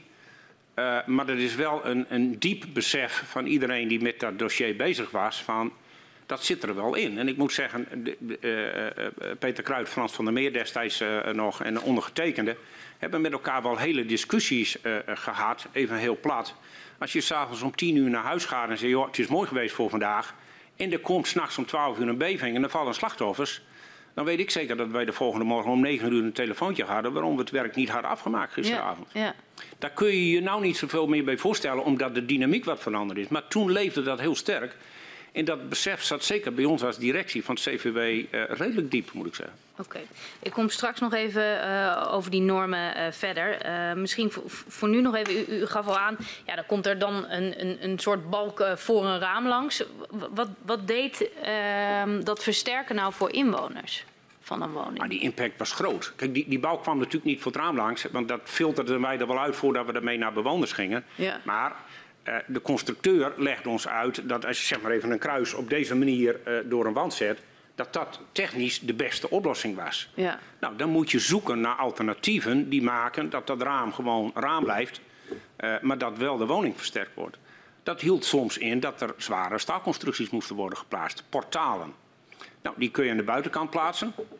Dat is niet het meest fraaie gezicht. Mm. Die kun je aan de binnenkant plaatsen. Daarmee worden woningen kleiner. Dus dat is ook niet echt uh, uh, acceptabel. Dus ja, dat was nog best wel een lastige. Waarbij ik, en, en dan, ik eh, kan daar niet genoeg benadrukken hoe, we, hoe wij dat toen ervaren hebben. Dat op het moment dat wij dat portaal aan de buitenkant wilden plaatsen. en we daar overeenstemming hadden met de bewoner. wij naar de betreffende gemeente gingen en zeggen: God, de voorgevel komt 30 centimeter naar voren. Daarmee vielen we buiten het bestemmingsplan. En het feit dat wij buiten bestemmingsplan uh, vielen, uh, dat probleem was in mijn optiek uh, vele malen groter dan het feit dat we het veiligheidsissue hadden opgelost. Dus dan was met de bewoner afgesproken, nou we doen dit aan de buitenkant. We kunnen dit doen aan de buitenkant, maar wij moeten even terug omdat ja. we buiten de rooilijn komen van het bestemmingsplan. Ja. En we hebben situaties meegemaakt waarin dat uh, niet lukte. En, en uh, dan waren er verschillende gemeenten of was het één bepaalde gemeente? Nee, dat liep door alle gemeentes wel een beetje heen. Ja. ja. En uh, is dat dan ook geadresseerd? En is er, ja, zijn er gesprekken geweest en, met, en met daar, daar, is daarna ook wel redelijk snel ingegrepen. Zo van, joh, daar moeten we toch met elkaar even wat anders mee omgaan. Dat is ook terecht. De, de, ja. En ik bedoel dat niet in verwijtende sfeer, want, het, want het, het, was een gevolg van in een hoog tempo dingen doen die nooit eerder waren gebeurd. Ja. En dan loop je tegen situaties aan dat dit speelt. En, en, die vertraging hierdoor is later heel snel opgelost in goed overleg met allerlei gemeentes. Dus laten we hier niet de indruk okay. wekken dat dat, dat dat niet goed ging. Maar we liepen daar in het begin wel tegenaan. En de druk op ons was in 2015 uh, immens hoog. Tenminste, zo hebben wij hem ervaren. Ja. Of hij ook zo bedoeld is geweest, mag een ander antwoord op geven, maar wij hebben hem zo ervaren. Ja, dus uiteindelijk is dat opgelost. Ja. Um, uh, maar het, is natuurlijk, het, was, het was een andere situatie dan anders. En daardoor waren de regels die altijd golden uh, niet altijd passend voor wat er nodig was om. Uh, Nee, dat klopt. Ik, ik, heb, ik, ik, had hem voor mezelf opgeschreven voor het eind van de rit. Maar, maar misschien is het goed om, om het toch hier nu te adresseren. Want hij komt wel heel mooi naar voren nu. Kijk, wij, vonden toen dat op het moment dat je uh, te maken hebt met, met iets wat we met elkaar een crisis uh, uh, hebben genoemd. En of dat al of niet een terechte benaming is, daar ga ik niet over. Want ik was van de uitvoering en niet van het beleid.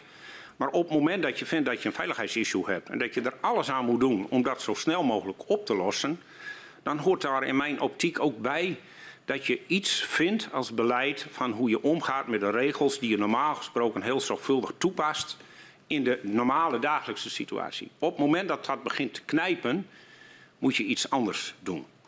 En ik heb, en het zijn mijn bouwvakkerswoorden, het is geen uh, bestuurlijke taal, Maar ik heb in die tijd gezegd van jongens, zorg voor territoriale wetgeving. Die maakt dat we in staat zijn om sommige dingen dan maar even iets minder zorgvuldig te doen. Als je daar beleidsmatig overeenstemming uh, over hebt, moet je dat doen. Als je dat niet doet, dan kun je wel tegen ons zeggen, je moet tempo maken. Maar als je tegen je eigen ambtenaren niet zegt van... dan moet je nu maar even de discussie over de kleur van de regenpijpen... en de 30 centimeter overschrijden van de rooilijn voor lief nemen... ja, dan word ik opgezadeld met een probleem. En dat is, nogmaals, dat is uiteindelijk wel, wel weer getackeld. Maar er had beleidsmatig, toen wij daaraan begonnen... veel eerder bij partijen het besef moeten zijn... We zijn er niet mee om te zeggen wij gaan 3000 woningen doen in 15 en 5000 woningen in 16. En we zorgen voor de financiering. Nou, daar komen we vast straks ook nog op hoe dat uh, wel of niet geregeld was. Zonder dat je ook nadenkt over dat dat regeltechnisch. En dan vergeet ik nog uh, de, de, de, de, vogels die ik net al heb genoemd, mijn overleg met het RVO. Uh, ik vond dat lastig om daarmee om te gaan als techneut. Ja. ja.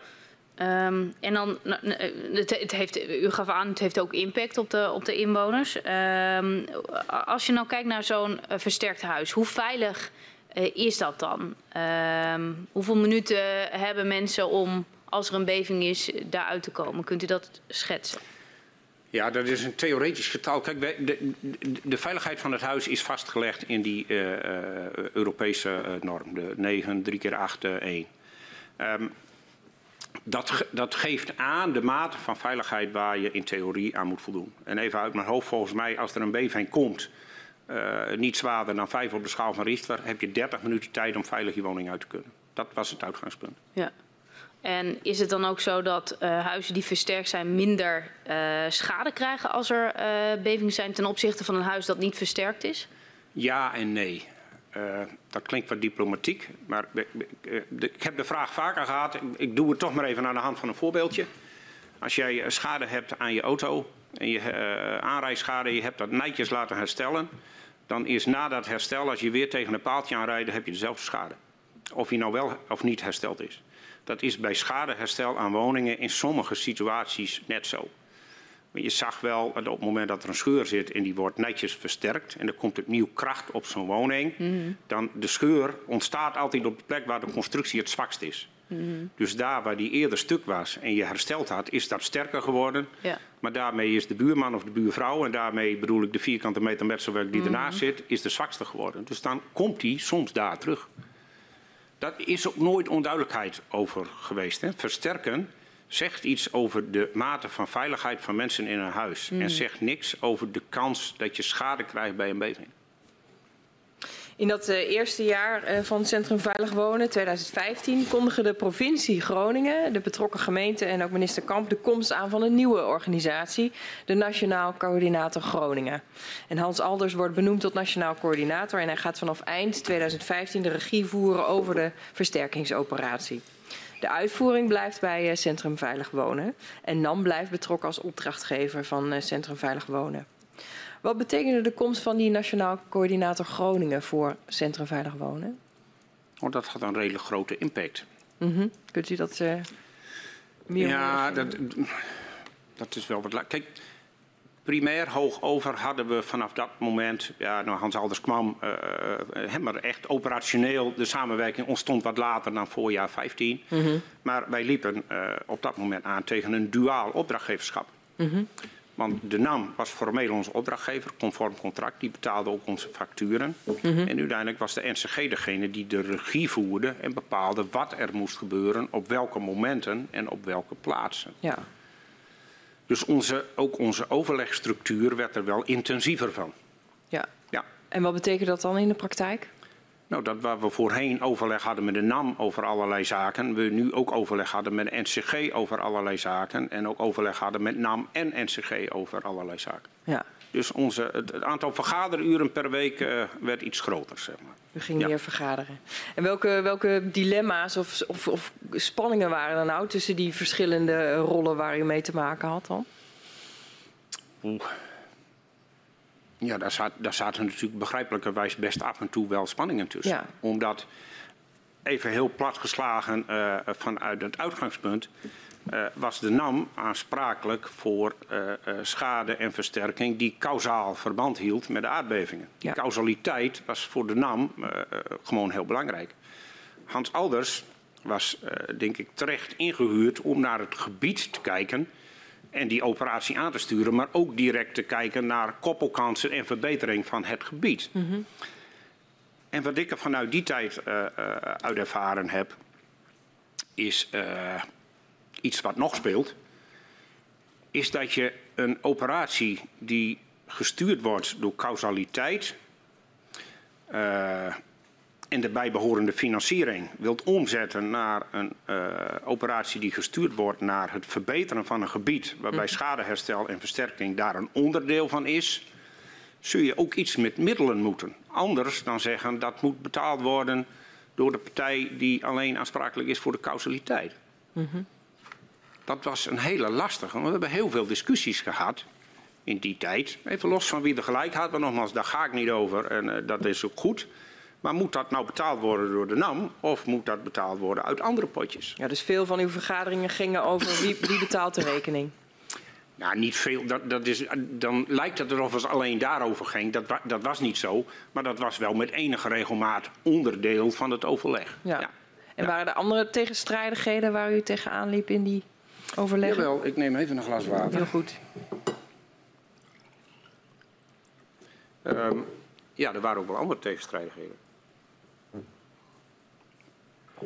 Uh, eentje die mij wel heel sterk is bijgebleven, is, is dat verderop in het proces op enig moment uh, het inspectie- en engineeringsprogramma is opgetuigd. Mm -hmm. De bekende badges komen straks misschien nog voorbij. 1467, 1581, 1584. Ja, komen straks nog um, De NCG vond heel terecht vanuit zijn publieke rol dat op het moment dat je voor de eerste keer met bewoners in contact kwam om te zeggen uw huis zit in de bed voor inspectie, engineering en vervolgens versterking, zei Hans Alders samen met Jeroen de Boer en nogmaals heel terecht vanuit hun rol, wij gaan die hele uh, operatie vanaf de eerste aankondiging tot en met het versterken draaien onder dezelfde norm als waar we mee begonnen zijn. Mm -hmm.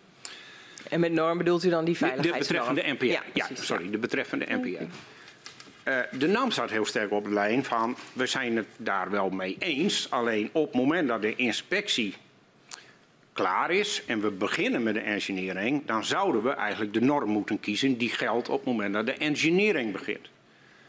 En ik heb u net al uitgelegd, alleen al in mijn periode is die norm vier keer veranderd. Dus uh, daar zat verschil van inzicht.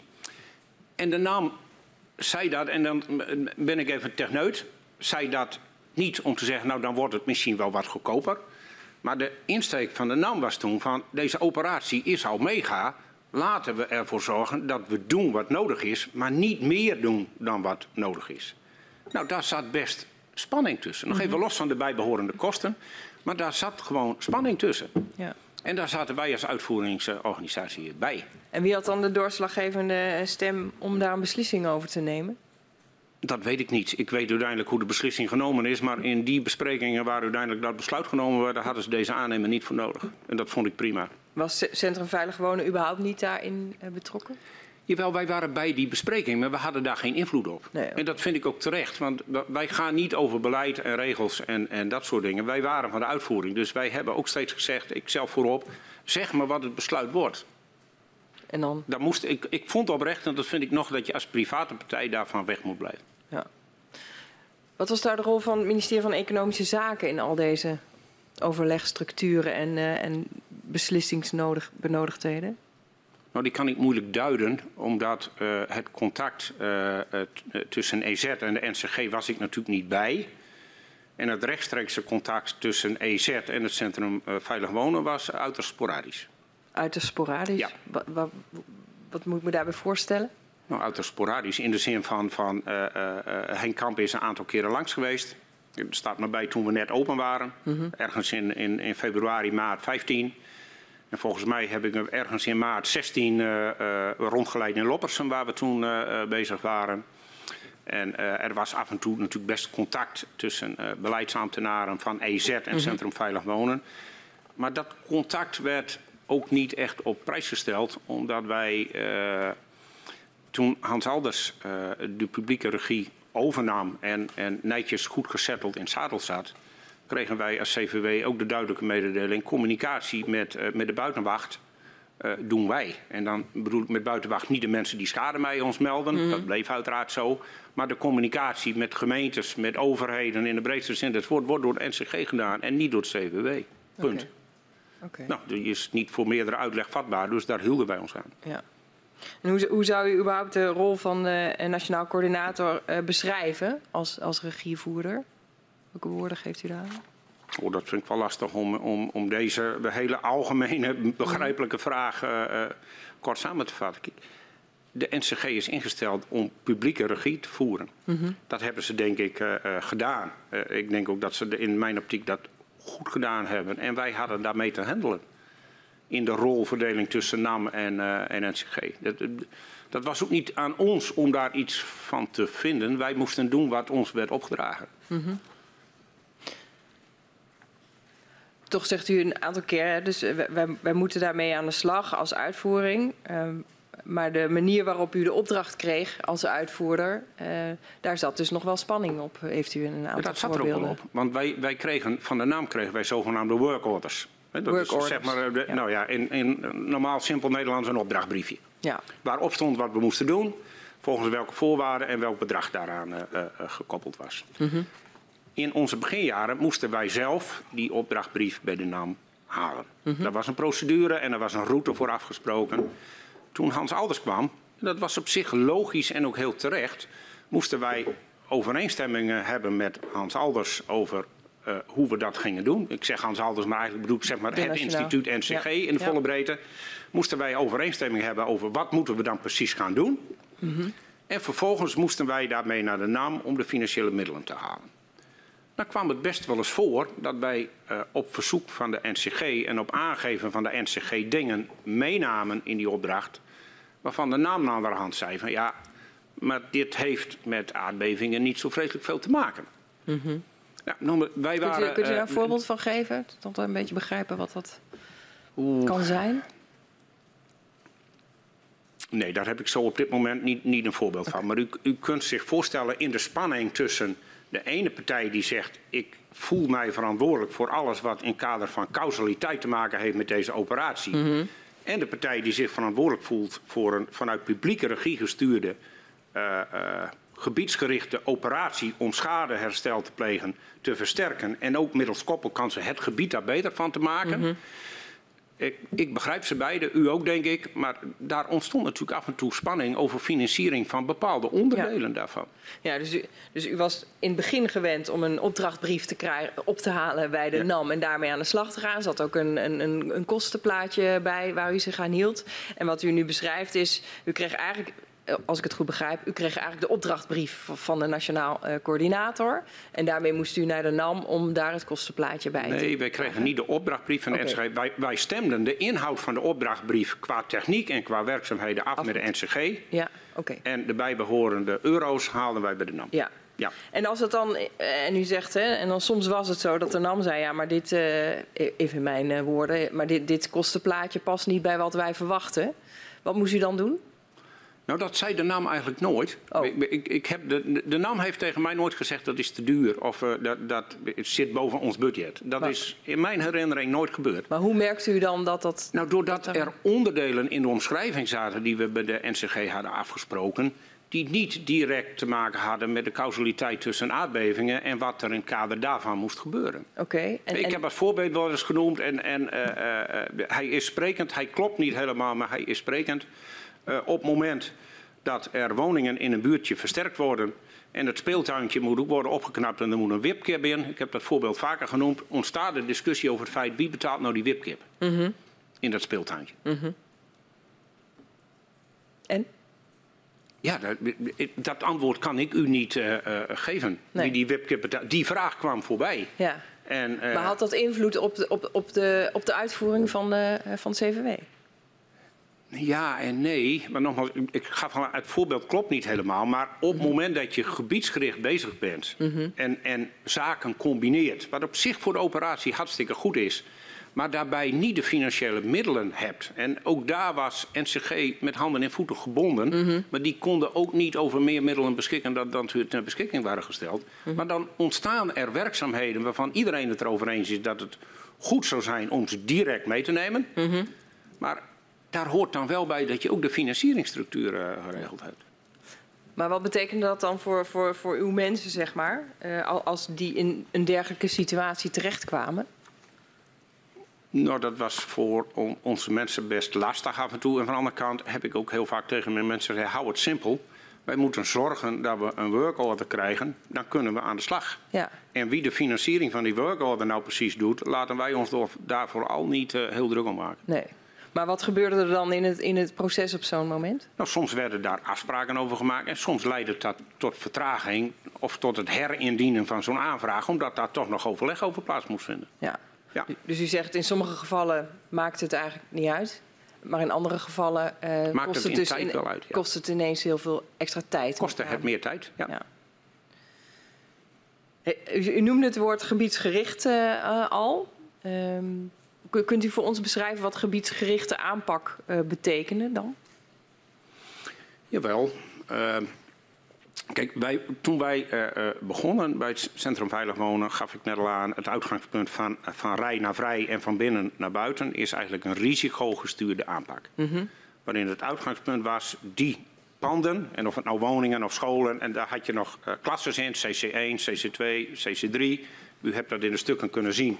En dat heeft te maken met uh, uh, risico, met name van uh, de inwoners en de bewoners die erin zitten, tot en met de maatschappelijke functie. Je kunt zich voorstellen dat bij een beving, als er een woning instort, heeft dat een andere maatschappelijke impact dan dat er een ziekenhuis buiten gebruik raakt. Nou, daar zaten verschillende klassen in. Dat mm -hmm. had dus ook met risico's te maken. Wij, onze aanpak was risicogestuurd. Dus beginnen bij die panden waarvan het risico het hoogst was. Ja.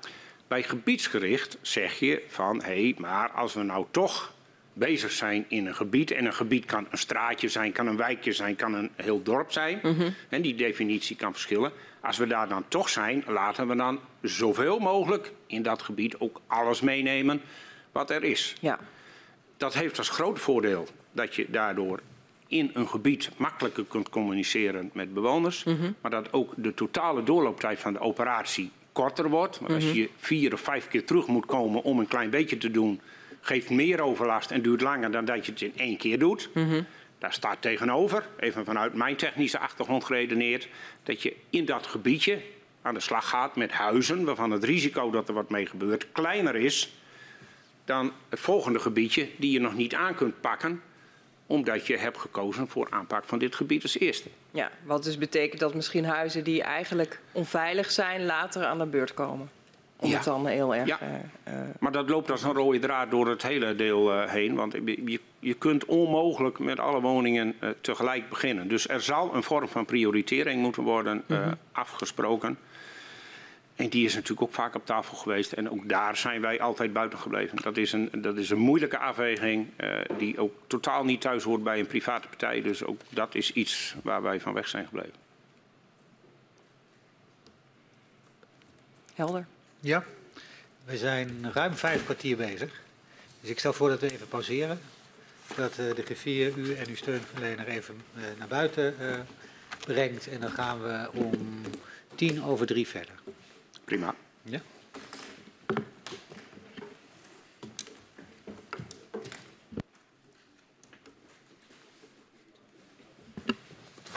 Dank je. We gaan weer verder en ik geef het woord uh, aan mevrouw Kuip. Ja, um, we hebben het al even gehad over uh, de verschillende normen waar uh, u mee moest werken. Vier keer is dat veranderd, gaf u al aan. Um, ja, dat, dat versterken gebeurt dus aan de hand van uh, risico-inschattingen uh, en dus die bepaalde bouwnormen. Um, kunt u ons toch nog even meenemen welke dat allemaal zijn geweest? Jawel, uh, wij zijn begonnen met de groene versie van de NPR 2015. Dat is dus de concept? Ja, voor mij is dat een concept, maar daar ja. kun je wel mee, mee werken. dat is vervangen door de witte 2015. Dat is de definitieve mm -hmm. versie van de NPR 2015. Vervolgens is de NPR, de groene NPR 2017 gekomen. Nou, ik weet niet precies wanneer, maar de, de naam uh, uh, geeft al aan in welke periode die norm uh, mm -hmm. is ingevoerd. Die is nooit wit geworden en die is uiteindelijk vervangen door de NPR 2018. En de push-over methode, is dat, zit dat dan nog weer tussenin? Nee, dat zit niet dat specifiek in de norm. Dat zijn methodieken die uh, moeten worden getoetst uiteraard aan die normen. Maar dat zijn berekeningsmethodieken die gezocht zijn om uh, uh, ervoor te zorgen dat engineering sneller zou kunnen gebeuren. Ja. Waarbij het ook zo is dat er gekeken is van hey, welke mate van nauwkeurigheid hebben we nu nodig om te kunnen beoordelen of een huis goed is. Ja. En u moet dat zo zien, er zitten in allerlei berekeningen, en niet in de berekeningen zelf, maar in de uitgangspunten van berekeningen best aannames met een bepaalde marge uh, waarbinnen dat gebeurt. Uh, en dan is het maar de vraag, als de aannames in de voorfase dusdanig zijn, of het dan nog zin heeft, even weer in mijn woorden, of de berekening nou drie cijfers achter de komma nauwkeurig is of vier cijfers achter de komma. Die discussie hebben we met elkaar uh, mee mogen maken en, en, daar zijn goede stappen in gezet. Dus uh, er zijn vier verschillende normen uh, waar u dan mee te maken heeft gehad. Uh, wat betekende dat nou voor het werk? Verschilde dat nou zo erg dat alles weer aangepast moest worden? Nou, of het wel of niet verschilde, bleek altijd pas achteraf. Hè? Als je dat van tevoren wist, dan kon je een inschatting maken en zeggen: joh, deze norm maakt een dusdanig groot verschil, moeten we echt wachten tot die er is. Mm -hmm. uh, of deze maakt zo weinig verschil, we kunnen prima met de oude norm door totdat de nieuwe volledig geïmplementeerd is. Dat wisten wij niet. Nee. Want die norm komt en op dat moment worden op basis van die norm worden berekeningen uh, gemaakt. En de uitkomst van die berekeningen, ja, daar zijn wel gissingen nagedaan in die tijd. Uh, denk ik, door de experts. Daar heb ik niet bij gezeten, want dat overstijgt wel mijn detailkennis van dat soort berekeningen. Maar dat was voor ons uh, niet klip en klaar duidelijk wat de consequenties van de nieuwe norm waren. Wat we wel wisten, dat in zijn algemeenheid de nieuwere norm tot minder zware versterkingen leidde. En dat was ook wel logisch, want de seismiciteit in de bodem nam af. Dus dat had invloed, in, in welke relatie dan ook op de sterkte die een woning moest hebben om bestand te zijn uh, aan de voorwaarden zoals we net kort voor de schorsing met elkaar hebben besproken. En, en betekende dat, uh, dat dan ook, hè, als het minder zware versterking is, dat jullie sneller uh, meer woningen zouden kunnen versterken? Ja, in basis wel. Als je, als je een, een, versterking uit moet voeren die minder werk met zich meebrengt en minder ingrijpend is, gaat ja. die sneller dan een ingrijpende operatie. Waarbij ook nog wel meetelde, heel duidelijk, van hey, kun je nu een versterking doen in een woning die nog bewoond is en bewoond blijft? Is dat veiligheidstechnisch verantwoord? Mhm. Mm -hmm. Of ga je over een bepaalde grens heen waarin je zegt mensen moeten echt voor een bepaalde periode uit huis? Ja. En dat is natuurlijk best een hele belangrijke afweging. Want de versterking is één, maar het vinden en beschikbaar hebben van goede, passende tijdelijke huisvesting is natuurlijk een, een redelijk uh, grote operatie die gekoppeld is aan de zwaarte van de versterkingen. Dus dat daar heel serieus naar gekeken werd, mm -hmm. was een hele logische. In hoeverre was dat um, een vertragingsfactor? Waren de, de vervangingshuizen beschikbaar uh, als u uh, nou constateerde mensen moeten hun huis uit? Nee, die waren niet per definitie beschikbaar, omdat toen wij begonnen er ook nog niet in, in de volle breedte hoor, inclusief bij mezelf, het besef was van er zullen heel veel mensen uit huis geplaatst moeten worden. Nee. Dat bleek uit de eerste uh, berekeningen. Ja. Um, u, u, heeft al uh, eerder in het gesprek gezegd versterken op norm. Wat, wat, wat is nou um, het verschil tussen versterken op norm en versterken uh, niet op norm? dat verschil is eigenlijk dat bij versterken op norm daar een berekening onder ligt die aantoonbaar aangeeft dat alles wat je in het kader van wetgeving voor die berekeningen moet doen klopt mm -hmm. en het dus op norm is. En versterking niet op norm houdt in dat die berekening er op dat moment niet onder ligt. Dat houdt niet in dat de getroffen maatregelen onvoldoende of te licht zouden zijn. In welke situatie komt dat dan voor dat er wordt versterkt niet op norm? Nou, bijvoorbeeld uh, in het kader van wat ik eerder heb genoemd, als je gaat naar het systeem van expert judgment, dan ga je uit van de kennis en kunde van de experts die op basis van ervaring met vergelijkbare woningen vanuit het verleden met een stellige zekerheid, en dan, dan de exacte definitie van stellig moet u dan maar invullen, maar met een, een, een stelligheid kunnen zeggen, deze woning is lijkt heel sterk, CQ komt 100% overeen met eentje die we hebben uitgerekend, die zal voldoen. Maar als de betreffende bewoner zegt, laat mij de gedetailleerde berekeningen van mijn woning zien waaruit blijkt dat mijn woning op norm is, die is er op dat moment niet. Ja, helder. Dat is het verschil, maar technisch, is, qua veiligheid voor de bewoners, is er dus niet een verschil. Nee. Um, hoe was het nou uh, voor u om om te gaan met die nieuwe inzichten over veiligheid en normen? Wat betekende dat? Nou, lastig. Ja. Omdat je, even los van de berekeningstechniek die erachter zit, je bent bezig een operatie te organiseren die, die niet alleen bouwkundig, maar ook logistiek best ingewikkeld en, en lastig is waarbij je keer op keer geconfronteerd wordt met gewijzigde spelregels waarvan je de impact niet kent op dat moment. Dus dat leidt gewoon tot vertraging. Ja, dat leidt tot vertraging. Ja. Um, in hoeverre, uh, u, u, u, stipt het al aan um, als het gaat over de inzichten van NAM en de NCG. In hoeverre verschilden zij nou van mening over de toepassing van nieuwe inzichten en normen? Nou, het, ik, daar zat uh, deels verschil van inzicht in, in het voorbeeld wat ik net al heb aangegeven. Hè, waarbij de NCG zei, we starten een programma mm -hmm. waarbij we de burger de duidelijkheid geven dat gedurende dat hele programma de norm niet wijzigt. Mm -hmm. uh, en de NAM staat op een andere lijn. Men had totaal geen verschil van inzicht over het feit dat als de nieuwe norm er was, dat dat de norm was waar we met elkaar van uit moesten gaan. Mm -hmm. Het verschil zat hem in het moment waarop je hem van toepassing verklaart op uh, woningen die al in een bepaalde stroom uh, benoemd waren. En was dat dan ook iets wat van tevoren uh, was afgesproken, ook voor de uitvoeringsorganisatie? De NCG heeft aangegeven, dit traject doen we met deze norm. Was dat duidelijk voor jullie of was daar continu nog discussie over? Nee, voor ons was dat wel duidelijk. Die discussie was er wel, maar wij kregen daar duidelijk instructie uh, over. En op enig moment werd er gezegd. En voor ons was dat ook niet steeds van belang. Want op het moment dat wij uh, ons inspectieprogramma moesten gaan doen. En dat was volgens een bepaalde norm, konden wij dat gewoon doen. Als wij maar wisten voordat wij met de engineering starten. Mm -hmm. of er besloten was om dezelfde norm van toepassing te laten. of de nieuwe norm van toepassing te verklaren. Die discussie stonden wij buiten, dat gaf ja. ik net al aan. Maar op dat moment moesten wij het weten. En als wij het toen wisten, dan konden we daar wel mee aan de slag. Dus maakte die discussie tussen die twee nog uit voor het werk? Uh...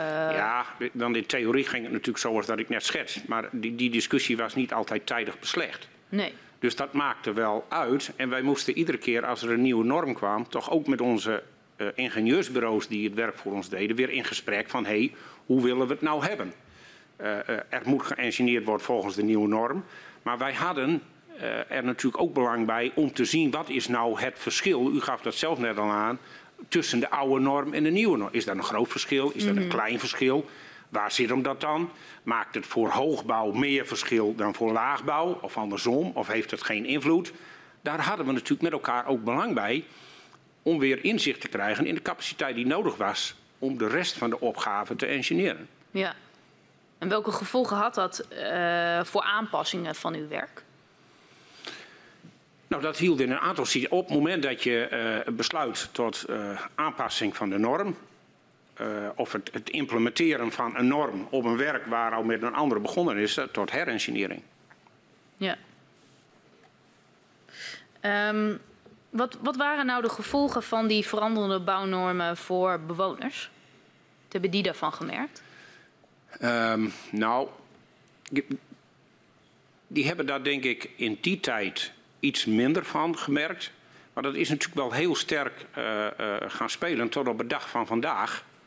Uh, want die norm had invloed op de zwaarte van de versterking van je huis. Ik gaf net al aan, het zou het verschil kunnen maken in sommige situaties tussen in huis blijven of moeten verhuizen. En je zag dat later ook, dat, en dat is de discussie nu, dat is misschien even buiten het verhoor nu, maar er, het bestuurlijk akkoord wat is gesloten een, een jaartje geleden, heeft heel direct te maken met het feit onder welke uh, norm uh, is jouw versterkingsadvies gemaakt en ben je bereid om herbeoordeling aan te vragen met een vergoeding daartegenover. Dus die discussie heeft van het begin af aan gespeeld tot op de dag van vandaag. Ja, en wat, wat betekende dat nou voor de, voor de bewoners, de gedupeerden? Ja, onduidelijkheid. Ja. Want zoals wij er nu over praten, ik zat Ja. er middenin. Eh, u heeft met elkaar het dossier goed bestudeerd, dus begrijpt dat het zo loopt en wat het precies inhoudt. Maar de bewoners werden geconfronteerd met bulten communicatie en bulten gegevens en, en allerlei rapporten, waarin ze zich ook nog een beeld moesten vormen of het nou wel of niet verstandig was om van de 2015-norm naar de 2017-norm te gaan. Eh, en ook nog voor zichzelf een mening vormen of de witte nou beter was dan de groene of andersom. Ja. Dat was voor bewoners een, een onmogelijkheid en dat kon je bewoners ook niet aandoen, eh, vond ik. Dat was gewoon heel slecht. ja. Wel- Welke, Technisch begrijpelijk ook, maar voor bewoners heel slecht. wat- welke signalen kregen jullie dan binnen vanuit die kant? Nou, die, die signalen kwamen eh, bij ons wel binnen, maar dat kwam meest binnen bij de NCG. Want dat was in de periode dat de NCG al eh, die contacten onderhield. Maar wij hebben ook wel bewoners gehad die zeiden, ja, wij snappen het niet. En dan Nee. moesten wij het uitleggen. En dit is heel moeilijk uit te leggen zonder dat je gedetailleerd ook technisch de diepte ingaat. Nou, dan raak je begrijpelijk en heel terecht heel veel bewoners kwijt. En ik heb steeds gevonden dat dat, ja, dat kun je bewoners niet aandoen, deze discussie. Hoe, hoe, eh, hoe, hoe was dat te voorkomen geweest? Nou, dat is wel een lastige. Ehm, omdat in de loop der tijd, door het verminderen van de gaswinning en, en uiteindelijk het, het op termijn stopzetten van de gaswinning, eh, de seismiciteit in de bodem afneemt. En, en hoe en in welke mate, eh, daar hebt u allerlei andere experts eh, voor gehoord. Eh, dat weet ik niet. Maar er is een verband. En het is wel goed, denk ik, dat op het moment dat de dreiging afneemt, in elk geval van elkaar te weten welke invloed dat in technische zin heeft op de veiligheid van mensen in woningen. Even los van wat je ermee doet, maar ik vind dat je dat moet weten en dat je je bewoners als overheid daar ook duidelijkheid over moet geven. En dat kun je, daar kun je niet naar gissen, dat moet je serieus en netjes en zorgvuldig doen. Ja. Maar het heeft eh, eh, invloed. In, in hoeverre hebben die, die nieuwe normen, die nieuwe inzichten nou geleid tussen eh, veel verschillen tussen ehm gedupeerden? In hoe ze werden geholpen? Nou, hoogover is het zo dat eh, de eh, maatregelen die je moet treffen op basis van de meest recente normen minder zwaar en minder ingrijpend zijn dan de maatregelen die je moest treffen op basis van de groene norm 2015. En dat verschilt ook nog weer per type woning, per type gebouw. Is het hoogbouw, is het laagbouw. Maar als je het even heel hoog over beschouwt, is de, de, zijn de hoeveelheid maatregelen die je moet treffen in de loop der tijd minder ingrijpend geworden dan op basis van de eerste norm. Kan het dan zo zijn dat ehm, bij een oude norm iemand nieuwbouw zou krijgen en bij de nieuwe norm eh, versterking? Moet, Ja, dat zou in Ja. sommige situaties kunnen. Ja. Ja. Ja. Volgens mij zijn daar in de regio ook eh, helaas voorbeelden van. In de periode 2015-2018 zijn er ruim 400 adressen op norm versterkt. Eh, ongeveer 100 per jaar dus. En de ambitie van minister Kamp was destijds om 3000 eh, woningen te versterken in 2015 en ook nog 5000 in 2016. Wat is nou de belangrijkste reden dat die adressen die op norm zijn versterkt uitkwam op ongeveer 400? Nou, daar zijn een aantal redenen voor die voor een deel net ook al voorbij eh, gekomen zijn. Ehm, in willekeurig volgorde van belangrijkheid. Eh, we zijn begonnen met de normen zoals we net geschetst hebben. In die tijd maakten wij eh, inspecties. En dat waren, en die komt u ook in de stukken tegen, dat was een RVS, zoals wij dat noemen, een Rapid Visual Screening. Een goed Gronings woord hebben we er nooit voor kunnen vinden, maar wij vonden dat lastig uitleggen aan bewoners wat er gebeurde. En op het moment dat we beter moesten kijken, dan hielden we een EVS en dat is een Extended Visual Screening. Dat In plat eh, of simpel eh, eh, bewoners, dan gingen we ook naar binnen om te kijken hoe dingen eh, eruit zagen. Ja. Dat is later vervangen door het INE-programma. Tegenwoordig heet dat anders, ik ben de naam even kwijt, maar bij ons heette dat toen het inspectie- en engineeringsprogramma, waarbij we uitgebreide inspecties hielden in woningen. En aan de hand van die inspecties maakten, deden wij engineering en dat leidde tot een versterkingsadvies. Nou, en de, de, de eerste waar we dat mee deden, dat is de, de bekende 1467. Maar dat moest wel gebeuren en de doorlooptijd van zo'n complete inspectie- en engineeringsronde was zeker de eerste, zo even uit mijn hoofd, 13, 14 maanden. En in die periode is er eh, niet versterkt aan woningen waar die engineering, uh, of die inspectie en die engineering niet voor klaar was. Ja, dus mijn vraag hè, hoe het nou kan dat er, dat er maar 400 uh, adressen op norm zijn versterkt, komt als ik naar u luister, doordat het proces om tot versterking te komen gewoon veel langer duurde. Ja, mede, maar uh, de, het had ook te maken met de wijziging van risicogestuurd naar gebiedsgericht. Mm -hmm. He, dat maakt dat ook dat ja. een aantal woningen die al benoemd waren, ineens in een andere batch kwamen, in, in een andere tijdspanne. Mm -hmm. Dus dat schoof wat naar achteren. En er was een deal gemaakt met de corporaties, waar, die, waar pilot 1A van 150 in zat en extensie 1A van 175, die mm -hmm. ook in de stukken tegenkomt dat was oorspronkelijk een deal van 1650. En met de komst van de gebiedsgerichte aanpak van de NCG uh, was dat, paste dat niet meer qua prioritering door het gebied heen. Dus die laatste 1100 is een deal over gemaakt dat die zouden overgaan en zouden worden opgenomen in de gebiedsgerichte aanpak van de NCG. Ja, dus u zegt de doorlooptijd van, de, van die inspectie en uiteindelijk te komen tot versterking duurde eigenlijk veel uh, langer. U zegt de overgang van het risicogericht, waarbij het meest onveilige huis het eerst zou worden aangepakt om te versterken, uh, naar een gebiedsgerichte aanpak waarin meerdere uh, gebouwen tegelijkertijd zouden worden versterkt. Dat leverde ook vertra vertraging, noem ik het toch maar eventjes op. Uh, en u zegt ook uh, afspraken die gemaakt waren met de woningbouwverenigingen, uh, daar veranderde er ook wat, waardoor ook daar zeg maar huizen op een ander moment zouden worden Voor versterkt. het resterende deel van die afspraken veranderde er ook wat. En, ja. en dat is Hebben we dan de drie belangrijkste ja, redenen ik denk dat te dat pakken? wel, en tenminste in mijn perceptie, de drie belangrijkste redenen zijn geweest. ja, dat ja. het in plaats van ja. duizenden 400 huizen waren. Welke invloed kon nou uw Centrum Veilig Wonen uh, hebben op het tempo van de versterking? Nou, dat was maar uh, heel beperkt. Uh, omdat wij aan de slag konden met datgene wat wij in opdracht hadden. En alles wat op een of andere manier niet 100% duidelijk was onder welk regime het viel en wanneer het moest worden uitgevoerd, daar konden wij niet zoveel mee. Nee. En wat deed u met het feit dat u daar niet zoveel mee kon? Nou, daar, daar, konden we niet zo heel veel mee, omdat besluitvorming daarover, zowel in aantallen als plaats, als ook onder welk regime dat viel, daar, stond, daar waren wij niet bij. Dat waren afspraken tussen uh, uh, partijen waar wij niet bij zaten. Dus we hadden daar ook geen invloed op. Maar in hoeverre waren degenen die dat besluit moesten nemen op de hoogte van het feit dat dit zo'n impact had op uw uh, uitvoering en uw werkwijze? Nou, in mijn optiek waren ze daar netjes van op hoogte. Want Wij wat, hebben wat geen pogingen gedaan om dat binnen CVW-deuren te houden. Nee. Dat hebben we netjes gecommuniceerd met alle partijen waar we overleg over hadden. Uh, kunt u dat wat beschrijven hoe dat dan ging? Oh, dat, dat, wij hadden natuurlijk heel veel overleggen, zowel met NAM als uh, later met NAM en NCG. Mm -hmm. En uh, wij moesten ook rapporteren. Hè. Wij hadden mm -hmm. periodiek een rapportagelijn, eerst naar de NAM en later naar de NCG. En in al die rapportagelijnen vind je deze getallen terug. Ja, dus u zegt daarmee dat u had geen invloed op de besluitvorming. Uh, maar u kon eigenlijk met door de veranderende besluitvorming niet, niet verder op het pad dat, dat was bedacht, ook qua aantallen. En u koppelde dat weer terug naar degene die de besluiten moesten nemen. Ja, dat klopt. En, en, en ik, ik weet nog, hè, dat schiet me nou te binnen. Ik had het al over het pilot 1A en, en wat wij extensie 1A uh, hebben genoemd, die 175. Dat was eigenlijk een voortvloeisel van het feit dat wij wel zagen dat het tempo eruit raakte op deze manier. Dus toen hebben wij gezegd van, hé, hey, zou je niet op, op, op die manier ook nog een uitbreiding van die eerste 150 kunnen maken, door er een aantal woningen toch risicogestuurd, dus van binnen naar buiten, aan te wijzen waar we daarmee verder kunnen. En met een tweeledig doel om toch het tempo erin te houden, mm -hmm. maar ook om ervaring op te doen. We hebben die eerste 150 gedaan.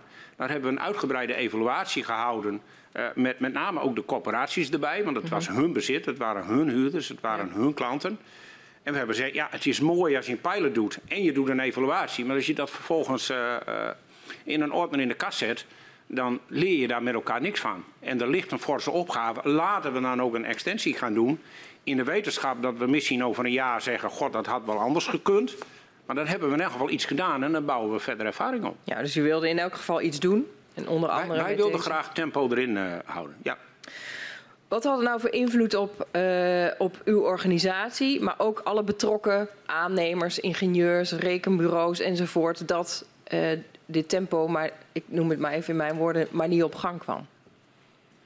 Nou, dat is, als ik het voorzichtig zeg, vervelend en als ik het eerlijk zeg, dramatisch. Ja, en hoe, ja. hoe uitte zich dat, uh, die dramatische Nou, invloed? kijk, wij hebben, er is door het hele dossier heen uh, is er met enige regelmaat door mensen gezegd van er is twijfel of er wel voldoende uitvoeringscapaciteit is. Mm -hmm. Dat is denk ik vanaf dag 1 tot vanmorgen vroeg wordt er gezegd wij vragen ons af of er wel voldoende uitvoeringscapaciteit is. Mm -hmm. Ik heb altijd gezegd als je mij vertelt wanneer je welke capaciteit nodig hebt dan zorg ik dat het er is. Ja, en dan wordt het stil. Mm -hmm. Ja, wij moeten nog zoveel woningen doen. Ja, maar wanneer dan? En wat moet er dan aan gebeuren? En wanneer kunnen we dan beginnen? Dat is wel een rode draad door dit dossier. Van capaciteit mobiliseren, zorgen dat het klaar staat en dan vervolgens uh, uh, zijn er heel veel op zich valide redenen vanuit het publieke uh, domein dat je nog niet kunt beginnen. Nou, ik heb zelf een aannemersbedrijf en dus ik weet redelijk wat de gedachten zijn bij bouwcapaciteit. Mm -hmm. Maar je bent best bereid om je capaciteit ter beschikking te stellen voor iets wat ook daadwerkelijk komt. Maar als je een paar keer je capaciteit hebt vrijgehouden en de opgave komt niet, ja, dan komt er een keer een moment dat je zegt, nou, ik kan beter wat anders gaan doen. Dan heb ik meer zekerheid dat mijn capaciteit wordt benut, dan dat ik ga zitten wachten totdat deze capaciteit benodigd is. U vertelt het alsof het ook gebeurd is zo. Ja. Kunt u dat, kunt u dat vertellen hoe dat dan, of wanneer, of hoeveel, of hoe ging, hoe ging dat dan? Nou, dat is, kijk, u moet zich voorstellen, uh, beginnend bij de erkenningsregeling, hè, wat ik net heb uitgelegd. Ja. Daar steek je tijd en energie in en ja. daar leid je vaklieden voor op. 4500 tot 4500 tot 5000, waarvan de kosten werden betaald door de NAM. Ja. En de regeling was de eigen uren die de mensen daar dan insteken waren voor eigen rekening. He, op zich een prima regeling. Maar dan ga je ervan uit mm -hmm. dat daar een hoeveelheid werk uitrolt waarmee je uh, aan de slag kunt en waarmee je ook de mogelijkheid hebt om de investering die je hebt gedaan terug te verdienen. Mm -hmm. Op het moment dat dat niet komt, of het komt maar heel sporadisch, of het komt op een ander moment naar waar je van uit mocht gaan, dan is dat wel heel lastig. En uh, in de aannemerij is het eigenlijk zo dat de belangrijkste competentie die ze moeten hebben is het organiseren van discontinuïteit. Als die discontinuïteit vergroot wordt, dan is het steeds lastiger om dat te doen. En voor aannemers en schilders en stucadoors, zeg maar even in de volle breedte bouwvakkers in het dossier, is het gewoon ook heel vervelend als je continu in de publieke opinie hoort. Er is zorg over of er wel voldoende capaciteit is, terwijl jij capaciteit hebt en het is niet benodigd. Dat komt de geloofwaardigheid niet te goede. Dus u zegt eigenlijk die, die mensen die in het begin uh, die extra cursussen hebben gehad, die zaten eigenlijk vervolgens. Nou, een, een, heel groot gedeelte uh, heeft dat nooit in de praktijk kunnen brengen. Nog steeds niet? Nog steeds niet. Nee. nee.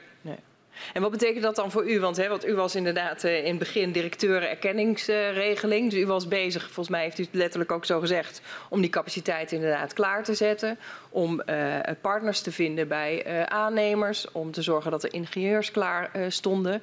Wat ging u, wat ging u doen? Nou, ik, ik, ging, ik, ging, daarna, hè, wat ik al zei, met het bouwkundig versterken aan de, aan de slag. Mm -hmm. En wij zaten heel sterk in de modus. Wij zijn een uitvoeringsorganisatie. Wij moeten zo goed en zo kwaad als het kan zorgen dat we zoveel mogelijk doen waar duidelijkheid uh, uh, over is. Maar ook zorgen dat daar voldoende capaciteit uh, voor is. Maar ook zorgen dat er niet meer capaciteit klaar staat dan dat we nodig hebben. Dus wat doet u dan als blijkt dat het, dat het plan anders loopt dan zoals u het had uitge, uitgerekend in de uitvoering? Nou, dan maken we daar melding van. Uh, in, in, de diverse overleggen. Uh, en het andere gevolg is dat daar waar men vindt dat ik capaciteit moet uh, organiseren en klaar moet zetten, dat ik dat heel ondeugend allemaal niet doe. En wat, wat, hoe ziet dat eruit? Nou, iets niet doen is redelijk eenvoudig, moet ik zeggen. Dus ja. gewoon niet doen. Dat klinkt heel cru. Maar als er gezegd wordt, je moet zorgen dat de capaciteit klaar staat. En ik wist op het duur dat dat toch niet werd ingezet op de momenten waarop mij gevraagd werd om het klaar te zetten. Dan zet, zet ik dat gewoon niet zet klaar. Zet niet klaar. En toen? Nee. En wat gebeurt er dan? Niks. Niks? Nee. Want? Want de capaciteit wordt niet gevraagd uh, uh, op het moment dat ze hadden beloofd. En de capaciteit die ik niet klaargezet heb, doet wat anders. Dus eigenlijk gebeurt er niks uh, ergs. Nee. Want er is geen tekort aan capaciteit. Dus uh, de, de, als ik het zo behoor, dan is de conclusie... Uh, er was voldoende capaciteit, maar we kregen het werk maar niet aan, uh, aangeboden. Mijn stelling is dat er altijd voldoende uitvoeringscapaciteit is geweest. Tot op de dag van vandaag. Um, dan wil ik nog even stilstaan bij de verhouding tussen NAM en uh, Centrum Veilig Wonen. Uh, het CVW opereerde onder aansturing in, een, in opdracht van NAM, maar NAM stond wel op enige afstand. Hoe werkte dit nou in de praktijk? Nou, in de, in de praktijk werkte dit zo dat NAM was, toch even wit beeld schetsen. Wij waren twee commerciële private partijen die een overeenkomst met elkaar hadden.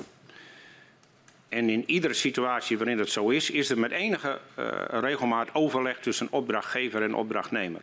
Dat was er dus ook hier. Er was regelmatig overleg met uh, de NAM en het Centrum Veilig Wonen. En dat ging dan met name over, heb je voldoende middelen om je targets te halen? Heb je voldoende gegevens om verder te kunnen? Wat heb je nog nodig? Hoe denk je dat aan te pakken? Uh, dat ging dus met name over hoe pak je dingen aan en uh, hoe zorg je ervoor dat je de middelen hebt in de volle breedte van het woord die nodig zijn om die opgave te doen. En dat vonden we ook redelijk normaal, omdat NAM was opdrachtgever, wij opdrachtnemer. Daar hoort bij dat je ook als opdrachtnemer regelmatig overlegt en ook rapporteert aan je mm. opdrachtgever. Hoe ver ben je ermee en waar loop je tegenaan? Ja. In, in, in hoeverre kon u uw werk naar eigen inzicht uh, invullen? Nou, in, voor mijn gevoel uh, in grote mate. En in, in, in, grote mate? En in welke gevallen had u dan uh, toestemming nodig van, van de NAM? Nou, wij hadden, wij hadden het, was, het hele dossier was eigenlijk opgeknipt in drie percelen. Perceel 1, perceel 2 en perceel 3.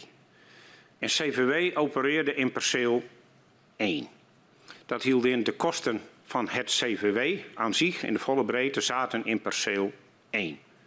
Daar hadden wij uh, eigenlijk 100% ruimte om te doen wat we wilden. Mm. We hadden het niet dat op het moment dat wij, uh, ik heb het in het begin al aangegeven, wij hadden een contract met als uitgangspunt opschalen naar 150 man. De opgave werd dusdanig groot en complex dat dat doorgroeide tot een veelvoud daarvan. Ja. Dat moesten we uiteraard afstemmen met de NAM. Daarvoor gingen we naar de NAM en zeiden, joh, voor dit deel van de opgave hebben we zoveel mensen nodig. Of voor dit deel van het proces hebben we zoveel mensen nodig. Daar hadden we toestemming voor nodig en die kregen we ook altijd. Er was geen discussie?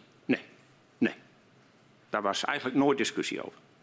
Dan had je perceel 2 en daarin zaten uh, mensen die opnames deden, mensen die engineering uh, uh, deden, bijvoorbeeld de schade-experts die de schades voor ons opnamen, dat was perceel 2. Mm.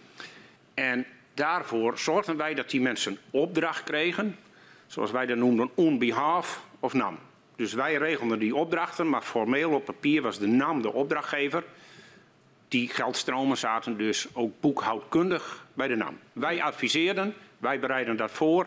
En de NAM gaf daar uh, uh, niet eens een klap op, want dat deden wij. Maar die gaf, wij kregen toestemming. En dan regelden wij dat af met die ingenieursbureaus en met die schade-experts. En jullie formuleerden de opdrachten? Ja. Daar, ja. dat, dat, daar had NAM niks mee te maken? Nee, nou ja, uiteraard, kijk, NAM werd uiteindelijk opdrachtgever. Want wij deden dat on behalf of NAM. Dus waar wij overleg hadden, over hadden, is hoe zien die opdrachten er dan uit in de formulering. Niet zozeer over de inhoud, maar wel over de opbouw van die opdrachten. Okay. En dan had je nog perceel 3. En perceel 3 zijn, zeg maar even simpel gezegd, de, de verzameling handjes. In de volle breedte, daar waren de mensen die uiteindelijk het werk op locatie moesten gaan doen. Mm -hmm. En ook dat werd door ons voorbereid en werd uiteindelijk ook weer on behalf of NAM opgedragen. Oké, okay, dus dat, de, ook daar zat uh, NAM uh, niet rechtstreeks bij? Nee. nee. Um, en, en, voerde u dan ook nog um, uh, gesprekken met NAM of, of Shell, ik weet, ik weet niet of die ook nog in beeld is, over de kosten van schadeafhandeling um, en versterking? Ja, ik, ik heb overigens Shell nooit gesproken. Alle gesprekken verliepen met de NAM en de terugkoppeling van Shell naar haar aandeelhouders weet ik niet. Daar zaten wij niet, uh, uh, niet bij. Daar voerden we wel gesprekken over, maar die gesprekken gingen niet over de hoogte van de kosten, nee. maar wel over de inspanning die wij als CVW moesten leveren om dat in de markt te zetten en dat te regelen. En de manier waarop we, en die KPI's kwamen net al even voorbij, hoe we dat zo efficiënt en zo goed mogelijk deden. Inhoudelijk over hoe hoog zijn schadebedragen of wat kosten bouwkundige versterkingen, hebben wij met NAM nooit discussie over gehad. Daar werd vertrouwd op onze expertise en dat werd overgenomen. Maar er werd wel gekeken dus naar uh, uh, die KPI's. Ja. Uh, raakt dat dan ook niet ergens uh, de uitvoering? Nee. Nee, dat denk ik niet. De, wat dat raakt is de wijze waarop je het organiseert. Doe je dat efficiënt? Ben je in staat om je afspraken in tijd met bewoners na te komen? Ben je in staat om uh, je versterkingsadviezen voor 95% goed in één keer af te leveren? Ben je in staat om je versterkingsadviezen uiterlijk drie maanden nadat de inspectie is afgerond op te leveren? Het zat hem in die dingen. En de uitkomst, inclusief de bijbehorende kosten, is nooit punt van discussie geweest. Nee, oké. Okay. Uh, in het openbaar verhoor vertelde Johan de Haan van NAM uh, dat hij regelmatig om tafel zat uh, met de CV. En citeer ik hem even. om duidelijk te maken wat de verwachtingen van NAM waren. en voor de rest zagen wij natuurlijk ook een KPMG-rapport. waarin stond dat NAM zeer dicht op Centrum Veilig Wonen zat. Hoe verklaart u nou dat NAM zo dicht op uh, het CVB zat? Nou, ik vond dat in die tijd niet zo vreemd. Kijk, ik, ik heb uiteraard ook de uitspraken van, uh, van meneer De Haan uh, gehoord toen hij hier uh, zat. En ik had in die periode met enige regelmaat overleg met hem. Ja. Samen met, meestal samen met mijn wijlen collega Peter Kruid. Um, en ik vond dat niet vreemd, omdat als wij uh, de opdracht zouden uitvoeren, moeten uitvoeren om per kwartaal plus minus 600 schadegevallen op te nemen en af te handelen. En voorzichtig te beginnen met bouwkundig versterken, gewoon de jaren daarna hadden kunnen uitvoeren zoals het bedoeld was, dan is er minder overleg nodig mm. dan dat je in een dossier zit waarbij als twee private partijen je in een publieke opgave dingen moet doen die ook nog continu wijzigen. Dat vereist gewoon heel veel afstemming tussen opdrachtgever en opdrachtnemer. Dus in die periode hadden we regelmatig intensief overleg. Maar wij zijn daar altijd van weggebleven dat we ons uh, over en weer bemoeid hebben met uh, zeg maar interne zaken. Of met uh, hoogte van schadebedragen of wat dan ook. Maar dat intensievere overleg vond ik heel normaal om de reden die ik net aangaf. Die opgave was zo complex geworden ja. en zoveel anders en breder dan dat voorzien was. Dat vergt gewoon overleg. Ja. Wat betekende dat dan? Nou, dat we veel overleg hadden en dat we nooit één moment rust kregen in de bedrijfsvoering. Want op het moment dat je iets geregeld had, dan op het moment dat je blij was dat het klaar was, was er in de tussenperiode al twee keer iets anders veranderd. Dat maakte dat je weer moest ingrijpen op een ander deel van dit dossier. Ja, dus de werkelijkheid veranderde. Hoe um, ja, had dat nog gevolgen voor dat contract wat er was tussen NAM en CVW? Ja, dat had wel degelijk uh, invloed. Want, want uiteindelijk uh, zag je dat uh, wij op een heel veel plekken gewoon meer middelen nodig hadden dan in het oorspronkelijke contract was voorzien. Dat moesten wij afstemmen met de NAM. En de NAM was van mening dat ons eigenlijk, in mijn woorden gezegd, geen strobreed in de weg werd gelegd om te doen wat nodig was om die opgave goed te doen, mits we het efficiënt, slim en verstandig deden. Nou, daar waren die KPI's uh, ja. voor bedacht. Maar het had voor ons contract natuurlijk heel veel invloed, want het contract wat gemaakt is, dateert van eind 14 en daarmee moesten wij werken in 15, 16 en 17. Mm. En, en, de complexiteit van het dossier uh, hoeven we elkaar denk ik hier uh, in deze zaal niet uit te leggen. Dat leidde tot heel veel uh, wijzigingen en aanpassingen en, en noodzakelijke verbeteringen en veranderingen in dat contract. En dat deden wij middels zogenaamde interface manuals. Dat woord is ook hier vaker voorbij gekomen. Dat was een vorm van uitdetaillering van delen van het contract. Um, werd, betekent dat dat het uh, nog specifieker werd? Werd de ruimte groter of minder groot voor CVW om uh, aan de slag te gaan?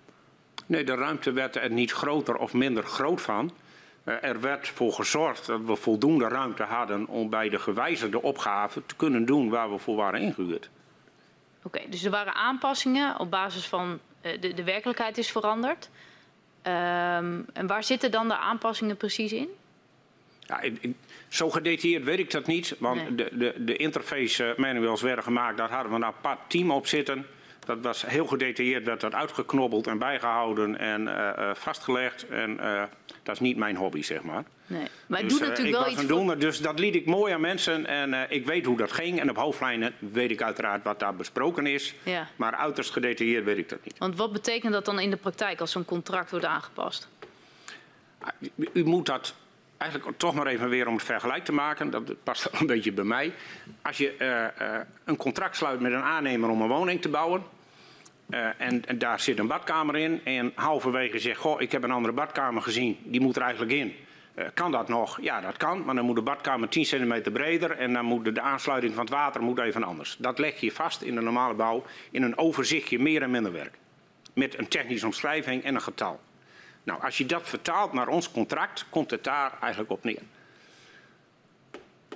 Ja, ik zit ik even te, te maar bedenken, ik zit even te bedenken hoe, ik dat, hoe ik dat nou moet zien. Ehm, want Nou, stel, er komt een opdracht van de inspectie van die 1467, hè, die eerste badge. ik, ik- want ik snap het voorbeeld wat u net gaf, snap ik voor een huis. Maar ik, ik zit even na te denken, hoe moet ik dat nou zien voor dat contract tussen NAM en CVW? Nou, dat ging op dezelfde wijze, want voor eh, bijvoorbeeld die 1467 komt er een workorder om die 1467 uit te voeren. Maar bij het overleg over die interface manuals werd er gekeken, hey, past dit nou nog precies binnen de, de eh, tekst van het oorspronkelijke contract? Ja. En als dat zo was, was er niks aan de hand. Was dat niet zo, dan moest er een zogenaamd interface manual gemaakt worden... waarbij het contract dusdanig werd aangepast... dat die workorder van die 1467 ook keurig paste... binnen de contractuele afspraken die nogmaals allemaal dateerden van oktober 14. ja, maar werd de ruimte dan vergroot? Was het te krap of was er te weinig financiën? Eh, dat dat moest worden aangepast? Hoe... Nee, nee, kijk, de, nee, de ruimte werd, werd niet vergroot... in de zin van dat de scope werd groter... Ja. En dus de hoeveelheid geld werd groter. Ja. Want wij moesten veel meer doen dan wat in oktober 14 was bedacht. En daarvoor moet je zorgen dat het contract past bij de opgave die je hebt. Dus de, onze ruimte werd niet groter, onze, onze bevoegdheid werd ook niet groter of kleiner. Maar wij moesten meer doen dan dat in oktober 14 eh, werd gedacht. En om ervoor te zorgen dat dat kon en dat dat paste en dat dat administratief ook allemaal in orde was, eh, werden middels interface manuals werd het contract eigenlijk als het ware actueel gehouden. Ja, en het is niet zo dat, eh, hè, soms heb je dat als, als er opgaves groter worden, dan kan dat ook betekenen dat je ehm, een efficiëntieslag eroverheen moet eh, eh, eh, gooien en, en, en de kosten moet reduceren. Ja, dat zou, dat zou kunnen, maar de, de- de- zo, zo ging dat niet. Oké, Eh, maar wat wel zo ging bijvoorbeeld, en en dat spreekt misschien nog beter dan die 1467. De komst van de NCG was oktober 14 bij het maken van het contract niet bekend. Dus het feit dat wij moesten overleggen met NCG en daar eh, eh, bepaalde overlegstructuren voor hadden afgesproken, moest wel verwerkt worden in het contract. Dus het contract werd middels interface manuals aangepast naar de Ja. situatie dat wij moesten samenwerken met de NCG. oké. Ehm, kregen eh, medewerkers van Centrum Veilig Wonen een zwijgplicht ook opgelegd van de NAM? Nee. Ik heb daar een paar keer voorbij horen komen. Ik heb me daarover verbaasd, moet ik zeggen. Hoe kan die verwarring dan ontstaan? Heeft u enig idee? Ja, dan moet ik gissen. Dat is misschien niet helemaal verstandig. Ehm, maar het is pertinent niet zo. Ze kregen geen zwijgplicht van de NAM. En ze kregen ook geen zwijgplicht van het CVW. Ehm, en ik heb dat voorbij horen komen in de pers al in de periode dat ik nog CVW-directeur was. En ik Ja. heb het afgelopen weken ook voorbij horen komen in het verhoor van Jacques Wallhagen. Ja. eh, die dat van Jan Kamminga had, eh, had opgevangen. Ehm, dat was niet zo. Kijk, Heeft u in de tijd, eh, toen dat dan in de krant stond, eh, daar nou ja, intern eh, nog onderzoek naar gedaan of naar gevraagd van jongens, waar komt dit dan vandaan? ja, we hebben daar wel onderzoek naar gedaan, maar we hebben daar verder geen rugbaarheid aan gegeven. Want in die periode was het zo dat al wat het CVW zelf naar buiten bracht, daar sprong de hele wereld bovenop. Dus wij zeiden dat doen we niet. En die signalen kwamen destijds van oud-medewerkers van het CVW. Dus mensen die niet meer bij het CVW werkten. En zeiden we hebben een zwijgplicht gekregen. nogmaals, pertinent niet waar. Ja. Wat wij wel hadden, is dat we een geheimhoudingsclausule hadden staan in onze arbeidscontracten met al onze medewerkers. Oké. En dat is denk ik een hele logische, want in het dossier waarin wij werkten, waar heel veel persoonlijke gegevens voorbij kwamen, waar we heel strak zaten in datgene wat er met de AVG uh, ons werd voorgeschreven, is het niks meer dan normaal, denk ik, dat je met je medewerkers afspreekt dat ze uh, een geheimhoudingsclausule hebben, dat ze niet over alles in de openbaarheid mogen praten. Mm -hmm. Maar het voorbeeld uh, wat genoemd werd in de eerdere verhoren herken ik niet. En nogmaals, er was geen zwijgplicht voor de CVW-medewerkers. En uit dat onderzoek wat u intern heeft gedaan, kwam daar nog iets specifieks uit Nee, wat daaruit kwam is dat de mededelingen uh, waren gedaan. En omdat ik heb dat bij de pers niet gecheckt, had ik ook niet zo heel veel behoefte aan, uh, moet ik zeggen, op dat moment door medewerkers die op dat moment het CVW reeds hadden verlaten. Nee, en, en, uh, en dan, dat maakt als, als verklaring je... geeft u misschien, was het het, het, het onderdeel van het arbeidscontract om geheimhouding te hebben over nou, persoonsgegevens. Die, die, verklaring geef ik niet. Die, die nee, koppeling okay. maakt u. Die zou juist kunnen zijn ik weet dat niet. Ik weet hoe wij het als directie geregeld hadden met onze medewerkers. En dat was die geheimhoudersclausule. Okay. Met, met redenen die ik u net heb aangegeven. Ja. Um, Suzanne Top uh, sprak in haar openbaar verhoor over signalen dat CVW uh, gestuurd werd op, scha op uh, schadeuitkomsten. u bent vier jaar bij het CVW betrokken geweest als directielid. Welke signalen kreeg u hierover? Nou, wij kregen daar ook de nodige signalen over, eh, denk ik. Dat is, dat is ook wel logisch, maar wij zaten midden in het dossier en die signalen werden niet ergens in een achterkamertje sporadisch genoemd. Dat kwam met enige regelmaat voorbij. Ja. Wij kregen dat ook, ja. Ja. Ja, maar wij deden daar niet zoveel mee, niet anders dan dat we het heel vervelend vonden. En uh, ook hiervoor geldt, er, er waren maar een paar mensen die precies wisten hoe het zat. En uh, die werkte bij het CVW en die werkte bij de NAM en die zijn niet gevraagd. Nee. Dus het zijn allemaal mensen die dat veronderstelden of die dat dachten of die dat misschien wel logisch vonden of, of wat dan ook. Dat weet ik niet, zou u ze zelf moeten vragen. Mm -hmm. Maar wij kregen wel die signalen. Maar wij hebben na amper overweging binnen de directie gezegd... het heeft niet zoveel zin om daar nou uh, voor op de zeepkist te gaan staan... om dat te ontkennen. Dat leidt alleen maar tot gedoe. Wij weten heel integer dat het niet zo is. Nee. En dat was ons op dat moment voldoende. Um, journaliste Sam Gerrit schreef in uh, 2018 uh, in een artikel... Uh, CVW-medewerkers en advocaten die ik heb gesproken vertelden dat juristen van Shell Legal achter de schermen de, zaken, de gang van zaken binnen CVW volledig bepaalden. Ze moesten schadevergoedingen minimaliseren en verdiensten maximaliseren. Absolute onzin. Meer kan ik er niet over. Er klopt helemaal niks van. Er waren geen signalen over vanuit CVW. En als die signalen er al waren, zijn ze misschien, maar dat weet ik niet. Ik, ik ken uh, dit artikel niet mm -hmm. en ik ken de bronnen uh, van de journalist ook niet. Het zou kunnen dat oud-CVW-medewerkers dat hebben gezegd. Uh, om wat voor reden, dat weet ik niet. Het is absoluut niet waar. Nee. Want welke contacten waren er tussen CVW en, en Shell Legal? Wij hadden geen rechtstreeks contact. Wij hadden contact met NAM Legal, en, maar NAM Legal werd, denk, denk, ik, ondersteund af en toe door uh, mensen van Shell uh, Legal. En daar hadden wij natuurlijk mee te maken, omdat wij, wat ik al eerder zei, alle opdrachten in perceel 2 en perceel 3 on behalf of opdroegden, opdroegen. Dus daarom was er contact met Legal over de opbouw van die contracten. Maar, maar de suggestie dat, dat wij aan de slag moesten met het naar beneden brengen van schadebedragen. Ik heb mij daar ook toen aan geërgerd en ik merk ja. aan mezelf dat ik dat nou weer doe. Uh, dat zegt iets over uh, wat men denkt van de integriteit van de mensen die daar werken. En dan denk ik, ik, laat ik me netjes uitdrukken, ik vind daar iets van. Ja. Ik wilde nog even met u terug naar de uh, versterking die nou, best wel vertraagd uh, verliep, zeg maar. En u heeft er al wat dingen over gezegd, maar ik wil toch nog even bij stilstaan. Want hoe is nou de verhouding tussen aan de ene kant dat toch wel trage tempo van de uh, versterking... Uh, enerzijds, en aan de andere kant de noodzaak om juist onveilige huizen zo snel mogelijk te versterken? Ja, dat is een hele lastige, maar, maar die, die is, is gewoon tegenstrijdig, denk ik.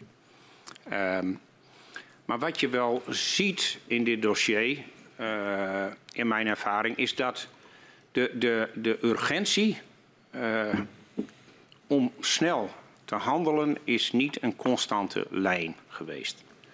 En wat bedoelt u daarmee? Nou, op papier heeft iedereen altijd gezegd... wij moeten zo snel en zo goed mogelijk zorgen dat we, uh, uh, als de gesmeerde bliksem, regelen wat hier geregeld moet worden. Maar in de dagelijkse praktijk zag je dat uh, de, het gevoel van onveiligheid gelukkig, zou ik zeggen, niet uh, gemiddeld weg, even los van individuele hele trieste gevallen van mensen die daar heel veel moeite mee hadden en nog hebben.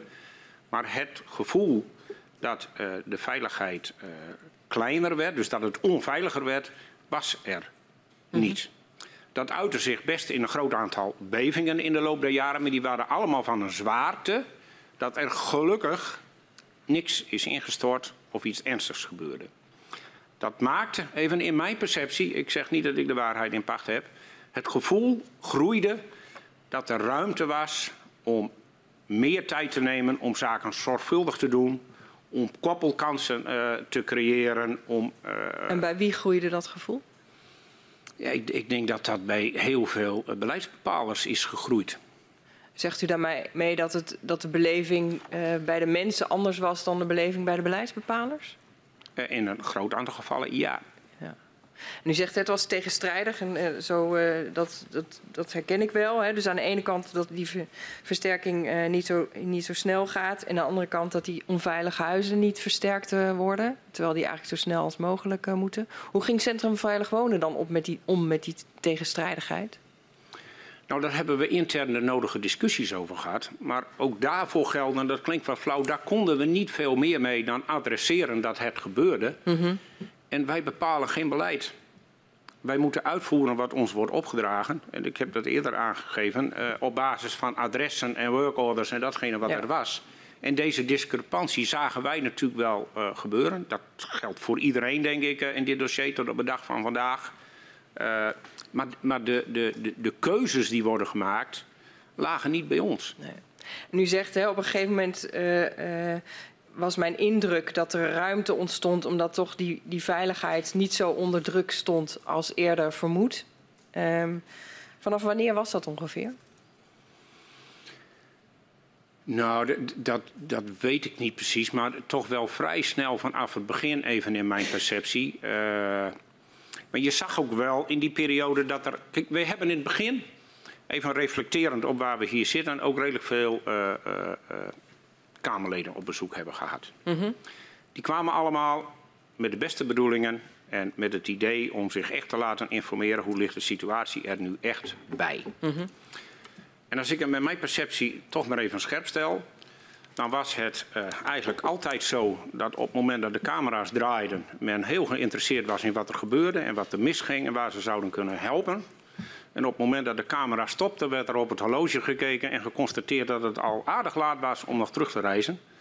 En men vertrok weer naar Den Haag. En daar hoorde je nooit meer wat van.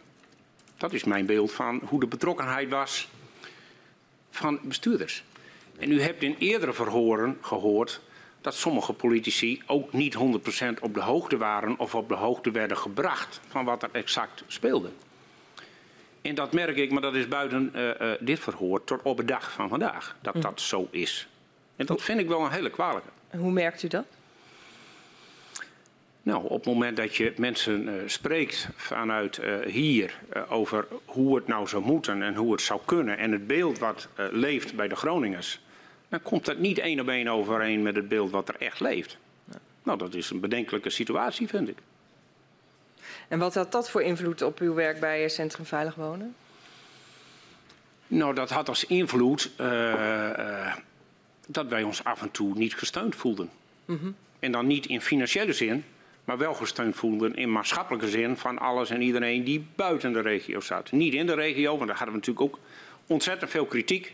-hmm. uh, en die kritiek was deels terecht op het functioneren van het CVW, maar was voor een deel ook te wijten aan het feit dat wij moesten doen uh, datgene waar we op basis van kaders en richtlijnen en protocollen mee aan de slag uh, moesten. Dus het, het, is een combinatie van terechte en onterechte kritiek, maar het kwam allemaal wel tegelijk binnen. En dat had best grote impact, moet ik zeggen. Want in het begin, toen wij in de opstart van het CVW zaten en heel veel mensen uit de regio moesten zoeken, was eigenlijk iedereen die we binnenhaalden was trots op het feit dat hij bij het CVW mocht werken. Dat hij aan de slag kon, dat hij dingen mocht gaan doen. En in de loop der tijd veranderde dat naar mensen die op het sportveld, eh, in de winkel, in de supermarkten. In de, ik heb het zelf in het theater meegemaakt. Dat ik door een paar mensen in de pauze apart werd genomen. En aan het publiek even werd verteld wat men van mij vond. En ik zei, joh, dat je van mijn functie iets vindt, vind ik prima. Maar dat je van mij als mens iets vindt, weiger ik te accepteren. Dat had enorme impact op al onze mensen. Dus mensen die in het begin trots waren dat ze bij het CVW werkten, praten daar op het duur niet meer over. We hadden auto's bij het pad die bestickerd waren als CVW. Daar hebben we de stickers afgehaald om te voorkomen dat auto's vernield werden. En wij waren niet opgeleid voor dat soort situaties, moet ik zeggen. Ik, kan me nog herinneren, wij hebben een bedrijfsbezetting uh, uh, gehad. Peter Kruid zat in Den Haag en Frans van der Meer was er niet. Ik zat in, in Assen en werd opgeroepen, we hebben het bedrijf bezet. Nou, dat is best, dat, dat vergeet ik nooit weer. Dat en is die best bezetting een, was, door wie was die dan? de, de, door, uh, door actievoerders. Oké. Ja, door actievoerders van, uh, van de centrale haal. Mm -hmm. Nou, dat is best ingrijpend, moet ik zeggen. Mm -hmm. En nogmaals, ik vind het niet erg dat mensen mij aanspreken in mijn functie van je hebt dingen niet goed gedaan of verkeerd gedaan of verkeerde keuzes gemaakt.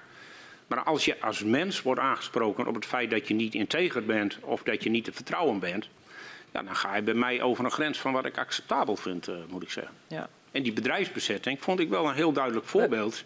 Want ik, ik, ik weet nog, ik, als ik het verhaal maar doe. Ik ben van Assen naar Appingedam gereden. Mm -hmm. Zo van ja, hoe gaan we hier nou mee om? Haal bezet, boze mensen. Begrijpelijk boos, hè? begrijp me niet verkeerd. Begrijpelijk boos en voor een groot gedeelte ook terecht boos. Uh, maar dan kom je de haal binnen. Nou, daar is altijd uh, de, het adrenalinegehalte is bij zowel de bezetter als bij de aankomende directeur redelijk hoog. Ik ben binnengekomen en zei, nou, laten we elkaar in elk geval allemaal even een hand uh, uh, geven. Dat leek mij niks meer dan fatsoenlijk. Dan kun je daarna zeggen waar je het met elkaar over oneens bent. Nou, er waren een aantal die zeiden, u bent een onfatsoenlijk mens. Ik weiger u een hand te geven. Ik vind prima, schat van de deur, ga je er maar uit. Mm -hmm. Wil ik je gewoon niet binnen hebben. Ik wil praten met mensen die uh, vinden dat wij het niet goed doen. Maar mensen die dat soort kwalificaties hebben en weigeren mij een hand te geven, zijn in mijn gebouw niet welkom. Dus die hebben buiten gewaagd. En wat voor invloed heeft dat verder gehad op het, op het, uh, op beleid of de organisatie van Centrum Veilig Wonen? Dat nou, gebrek niet... aan steun in, in Den Haag, maar ook gebrek aan steun in, uh, in de regio eigenlijk? Nou, niet zo heel veel, denk ik. Want, want uh, uiteindelijk deden wij gewoon ons werk. maar dat heeft, denk ik, maar dat, dat weet ik niet, dat zult u aan andere mensen moeten vragen, hier en daar ook wel geleid tot uh, het niet of te laat beschikbaar stellen van financiële middelen anders dan datgene wat uit de causaliteit uh, kwam van de NAM. Wat bedoelt u daarmee? Nou, daar bedoel ik mee dat als je gebiedsgericht een opgave wil doen waar naast het geld van de NAM ook maatschappelijk geld noodzakelijk is uit welk potje of uit welke stroom dan ook, om dat gebiedsgericht in één keer goed te kunnen doen, dat die geldstromen er te laat of onvoldoende zijn gekomen. Maar uh, Hans Halders komt nog, dus ik, ik meen, u kunt hem die vraag beter stellen dan aan mij. Maar dat is mijn gevoel van uh, wat beter had gekund. Ja, maar ik ben ook vooral benieuwd naar hoe het, zeg maar, hè, want u vertelde aan het begin, hè, in 2015, mensen wilden graag voor en met het Centrum Veilig Wonen werken. was een bepaald gevoel van trots.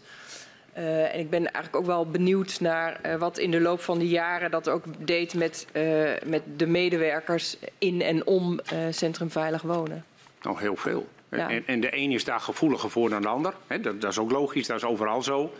He, maar wij hebben speciale programma's destijds opgezet van, uh, van agressietraining, omgaan met agressie. Hoe ga je om met onfatsoenlijke mensen?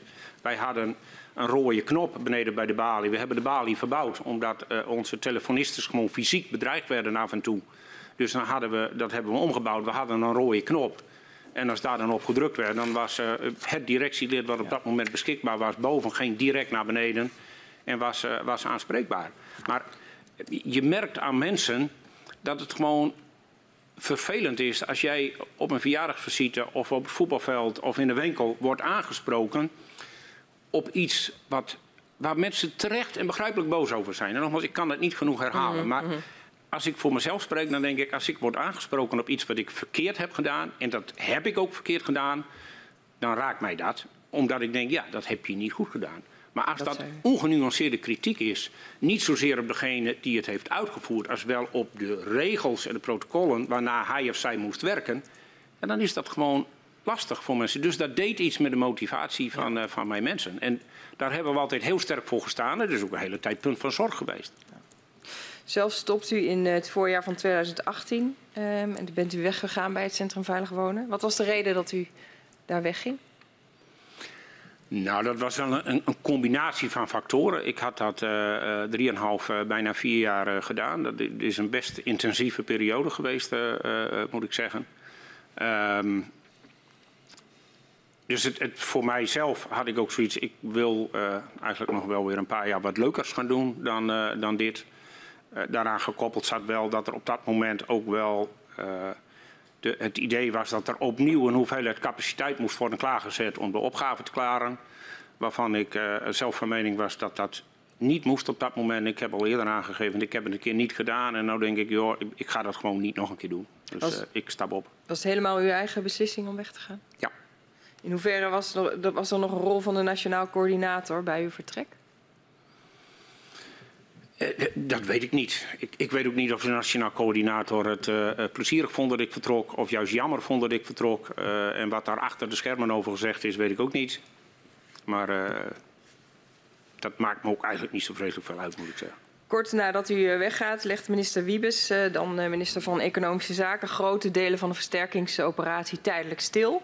Totdat meer duidelijkheid is over de veiligheid in Groningen bij het verlagen en stopzetten van de gasproductie wordt ook wel de pauzeknop uh, versterking genoemd. Wat vond u van dit besluit van minister Wiebes?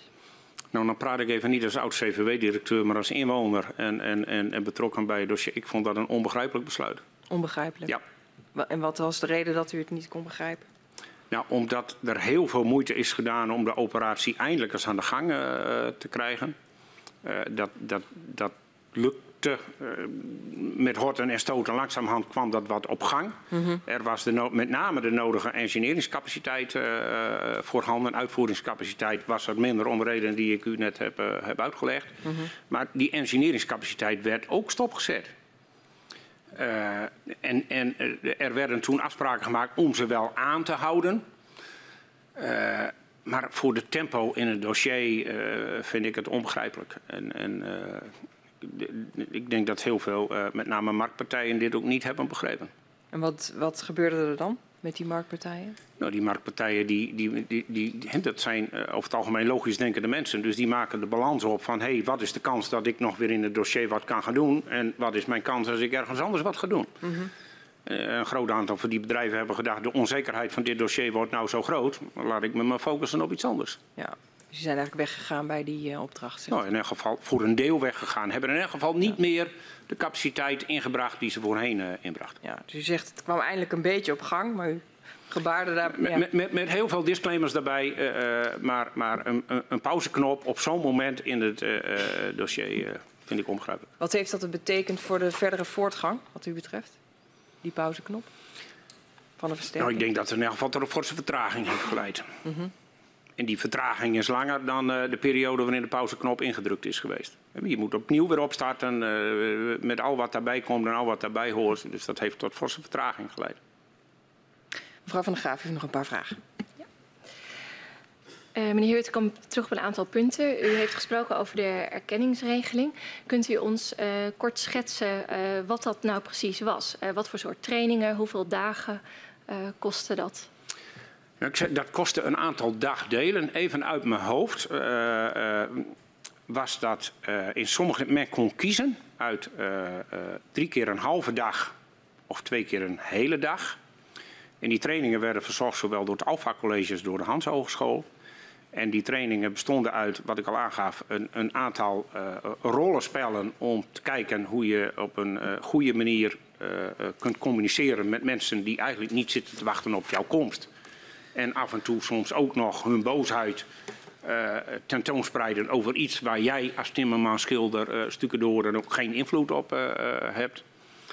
Um, en daarnaast werden ze ook bijgepraat over toch wat principiële zaken in zaken aardbevingen. Wat, wat, houdt het in theorie ongeveer in? Hoe, ga je, hoe, zie je dat?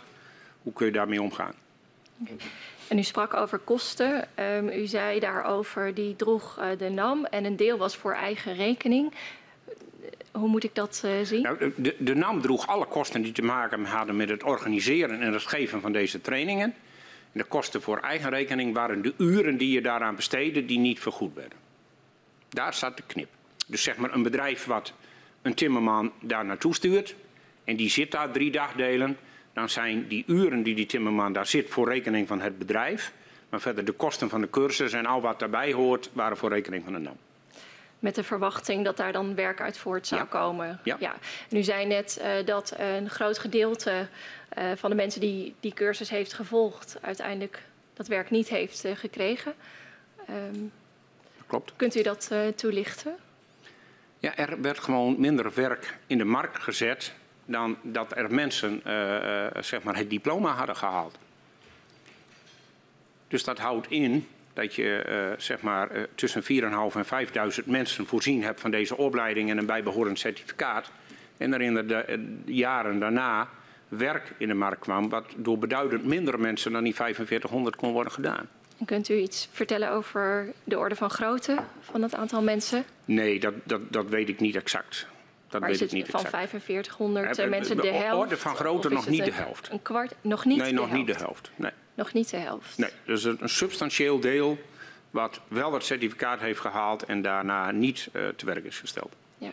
En klopt het dat eh, bij bijvoorbeeld het werk wat eh, werd gedaan over de, de HRBE, de schoorstenen die vervangen moesten worden, dat dat op een gegeven moment aan een selecte groep bedrijven werd toegekend? Ja, dat klopt. Hoeveel bedrijven waren dat? Ja, dat weet ik niet exact. Dat, ik denk dat er, dat er rond de 20 zijn geweest. Eh, omdat wij bij de eh, eh, toen nog HRBE's en later PRBE's.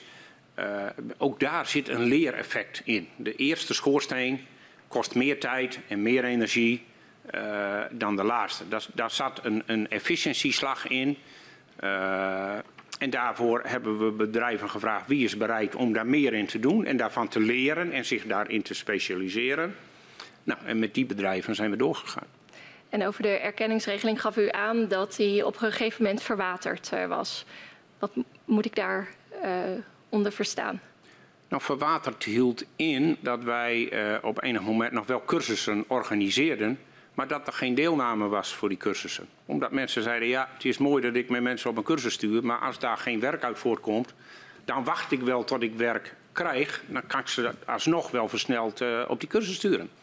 En ook dat hadden we gefaciliteerd, want er waren bedrijven die hadden eh, eh, mensen in dienst die niet dat certificaat hadden, die wilden toch graag werk doen of die kregen een kans op werk. Toen heb ik direct gezegd van joh, het is niet terecht dat je die mensen dan uitsluit, want die zitten in de regio, die willen graag werk doen. Dus versnel de cursus. En klopt het dan ook dat als je die cursus niet had gevolgd, dat je dan geen werkzaamheden voor het CVW kon uitvoeren?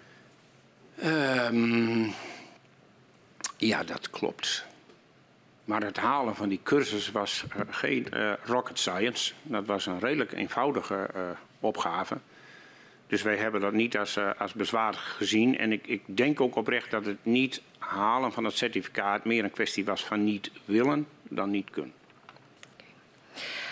Ehm, in het verhoor met de heer eh, Van der Knoop eh, kwam het onderwerp versterken ook aan de orde. Ehm, en hij gaf aan dat in het begin eh, ging het nog om preventieve versterking. En dat is achter de schermen omgedraaid. Het voorkomen van schade was van tafel. Het werd als geaccepteerd risico voor de Groningers beschouwd. Waarom is afgestapt van de woning versterken om schade te voorkomen? In mijn herinnering hebben wij als CVW nooit eh, een woning versterkt om schade te voorkomen. Hebben wij altijd woningen versterkt om ze veilig te maken, conform de normen die daarvoor zijn. En het beperken van kans op schade, zoals we het net over hadden, was een bijkomend voordeel. Ik herken niet deze move. Dus wij hebben niet woningen preventief versterkt om schade te voorkomen, alleen maar om schade te voorkomen, wat later is overgegaan in uh, uh, een andere vorm van versterken. Ik herken dat niet.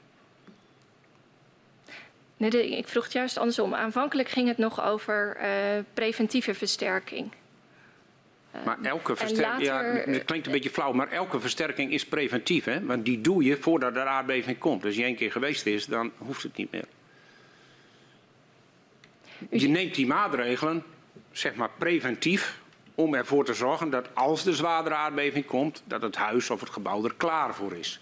Dus dat is, in, in mijn optiek is het per definitie is het versterkend preventief. Dus ik, misschien iets meer duiding van wat de heer Van der Knoop precies bedoeld heeft. Dan kan ik daar misschien op antwoorden. Nou ja, kijk. Um, een van de discussies die speelt is uh, in hoeverre uh, hoeveel schade er acceptabel uh, is. Um, en het voorkomen van schade is ook een verantwoordelijkheid die er ligt, ook vanuit de wetgeving die we kennen in Nederland. Klopt. Um, en bij versterking nou ja, leidt dat bij veel mensen tot, en, en de heer Van den Knoop heeft daar woorden aan gegeven, tot vragen van is het voorkomen van schade dan ineens een, een geaccepteerd risico uh, voor de Groningers. Um, en is daar dan niet meer het voorkomen van schade, is dat dan niet meer onderdeel van de versterking? Ja, deze discussie herken ik niet uh, in mijn rol als CVW-directeur. Wij hebben in elk geval de, deze overweging nooit gemaakt en ook nooit hoeven maken in opdracht van wie dan ook. Oké, okay. u herkent dat beeld niet? Nee, ik herken dat beeld niet. Dat is de, in geval niet vanuit mijn rol en, en, en, mijn betrokkenheid destijds bij het CVW. Ja. Dan is nog de vraag, uh, het contract tussen CVW en NAM is al een aantal keren te sprake geweest. Uh, niet alleen tijdens dit verhoor, maar ook tijdens andere verhoren. Waarom is dat contract niet openbaar? Omdat dat een contract is tussen twee private partijen, twee private commerciële partijen. En, en het is in dit land niet gebruikelijk dat je dat soort contracten openbaar maakt. Dat schuurde en begon ook steeds meer te schuren door het feit dat wij in een publieke uh, uh, domein moesten opereren. Maar wij hebben toen de afweging gemaakt, dat dat contract staat niks in wat, wat niet klopt of, of wat tot situaties zou kunnen leiden die je met elkaar niet zou moeten willen. En het is gewoon een contract tussen twee commerciële private partijen, wat niet noodzakelijk is om dat openbaar te maken. Dat daar later zoveel gedoe over ontstond, hebben wij toen anders ingeschat. Ja. En dat had misschien, hadden we anders moeten doen, maar in die periode dat die discussie eigenlijk voor de eerste keer opspeelde en, en nadrukkelijk binnenkwam, hebben wij deze afweging uh, gemaakt. De dialoogtafel vroeg niet om openbaarmaking, maar om in ieder geval inzage te hebben in, uh, in dat contract. Waarom is daar niet op ingegaan? Waarom mocht dat niet? Dat is iets anders dan openbaar maken, maar dat is de mensen die even zeker willen stellen of NAM voldoende op afstand staat en de organisatie die daarvoor in het leven was geroepen dat goed zou kunnen doen. Ik moet u dat antwoord schuldig blijven, want ik ken deze vraag niet uh, van destijds. En het zou best kunnen dat die vraag misschien aan de aandeelhouders is gesteld, maar in mijn functie als directeur destijds ken ik niet de vraag om uh, onder vertrouwelijkheid mensen inzage te geven in het. Ik ken die vraag niet. Dank u wel. Um, ik heb nog een aantal vragen. Uh, het Centrum Veilig Wonen uh, wilde bij de schadeafwikkeling en de versterking de bewoners centraal stellen. In hoeverre is dat nou ook echt gelukt, de be bewoners centraal te stellen? Nou, dat is maar ten dele gelukt, denk ik. In elk geval minder dan dat wij voor ogen hadden toen we begonnen. Mm -hmm. uh, want de bewoner centraal is, is, denk ik het meest logische principe en, en ook het enig juiste principe wat je in deze operatie kunt, uh, kunt hebben. Dus wij hebben dat ook eigenlijk bovenaan ons lijstje van belangrijk gezet. Maar wij liepen er ook tegenaan dat in een aantal procedures en een aantal zaken, zoals we net al deels bij de kop hebben gehad, er op, op enig moment van alles ontstond en gedaan moest worden waarbij je af kon vragen of er niet erg op gespannen voet stond met de bewoner centraal. Ja. En, en nu zie je op, op de dag van vandaag dat iedereen die zegt de bewoner centraal wordt niet meer geloofd. Dat, dat, dat, die op, dat op zich meer dan heldere en duidelijke en terechte credo wordt nu niet meer gedragen, omdat niemand het nog gelooft. Nee. In hoeverre lukt het um, om mensen met schade uh, of een onveilig huis uniform te behandelen? Niet. Maar dat lukt niet. En nee. dat hoeft ook niet, denk ik. Uh, Omdat ik denk dat je in elke situatie, en of het nou bouwkundig versterken of schade is, je passend maatwerk moet leveren. En als je. Ik doe nog even een slok water. Als je in deze situatie eh, vindt dat iedereen gelijk behandeld moet worden, dan, dan is dat een juist principe en, en, en ook het enig juiste principe, denk ik. Maar in de uitwerking gaat dat niet. En op het moment dat je echt iedereen gelijk wilt behandelen, dan komt deze operatie nooit tot een eind. Dus je zult passend maatwerk moeten leveren, wat wel past binnen het principe, we moeten iedereen gelijk behandelen. Ieder huis is verschillend, ieder mens is verschillend, iedere situatie is verschillend. Dus hoe groter de drang om dat uniform gelijk te doen, hoe groter de vertraging in de operatie is mijn stelling. En in hoeverre is het dan gelukt om met bewoners in gesprek te gaan oh, en rekening te houden met hun wensen? Nou, niet echt, denk ik. Want, want ons rechtstreeks uh, overleg met uh, uh, bewoners in het begin was redelijk intensief. Mm -hmm. En toen kwamen mensen ook nog bij het CVW. Maar waren wij uiteraard gebonden aan het... we begonnen met schade aan het schadeprotocol wat wij van de NAM hebben gekregen. En de manier waarop we dat organiseerden. En voor ons was het helder op het moment dat een schade-expert een rapport opmaakt en iets zegt over de oorzakelijkheid van de schade, de wijze van herstel en de bijbehorende kosten, namen wij dat over. Uh, en later, met de komst van de NCG en de, en de, de afspraak dat het contact met bewoners en, en, en overheden alleen maar via de NCG zou gaan en niet meer via het CVW, uh, veranderde en verminderde het contact wat wij rechtstreeks met de regio hadden. Ja. En als u nou uh, terugkijkt uh, uh, en we kijken naar welke lessen kunnen we trekken, wat, wat, wat had CVW anders kunnen doen? Nou, wij hadden, denk ik in elk geval bij heel veel van de opdrachten die we kregen, strakker moeten zeggen van formuleer je opdracht helder en duidelijk en zorg ervoor dat we weten wat we moeten doen. In, in, in, dit kader uh, heb ik natuurlijk met enige regelmaat wel discussie gehad met mensen uh, van de NAM. Waarvan er eentje op enig moment tegen mij zei van jullie zijn niet fit for purpose. Ik zei nou ik ben best bereid om dat verwijt te accepteren. Als jij in staat bent om die purpose op één of twee A4'tjes vanmiddag even bij mij neer te leggen. Dan kunnen we kijken of ik fit ben of niet. Nou we hebben elkaar glimlachend aangekeken en briefje is er nooit gekomen om, om, omdat het veranderde steeds. En wij hebben heel sterk in de modus, wij moeten uitvoeren. Wij moeten wat doen, wij moeten aan de slag, wij moeten tempo maken. En daarbij hebben we af en toe wel eens uit het oog verloren van... vertel ons nou eerst eens even duidelijk wat en waar en hoe en met wie moeten we dat doen. Dat hadden we achteraf gezien, hadden we toen pootjes stijver moeten houden. Ja, ja. En, en, dus u had discussie met iemand van de NAM. Uh, wie, wie, met wie had u... Wie, wie zei nou, van... dat, dat, maar, dat was in een van de overleggen. Ik okay. weet niet eens meer wie. Er zaten een paar okay. meer bij. He, maar, maar dat was in een van de gesprekken die we hadden over onze rapportages... waarin datgene wat we hadden gedaan... Uh, afweek van datgene wat we ja. zouden moeten doen. Maar het is best wel een kritiekpunt. Van, ja, de, de, de opdracht is niet helder.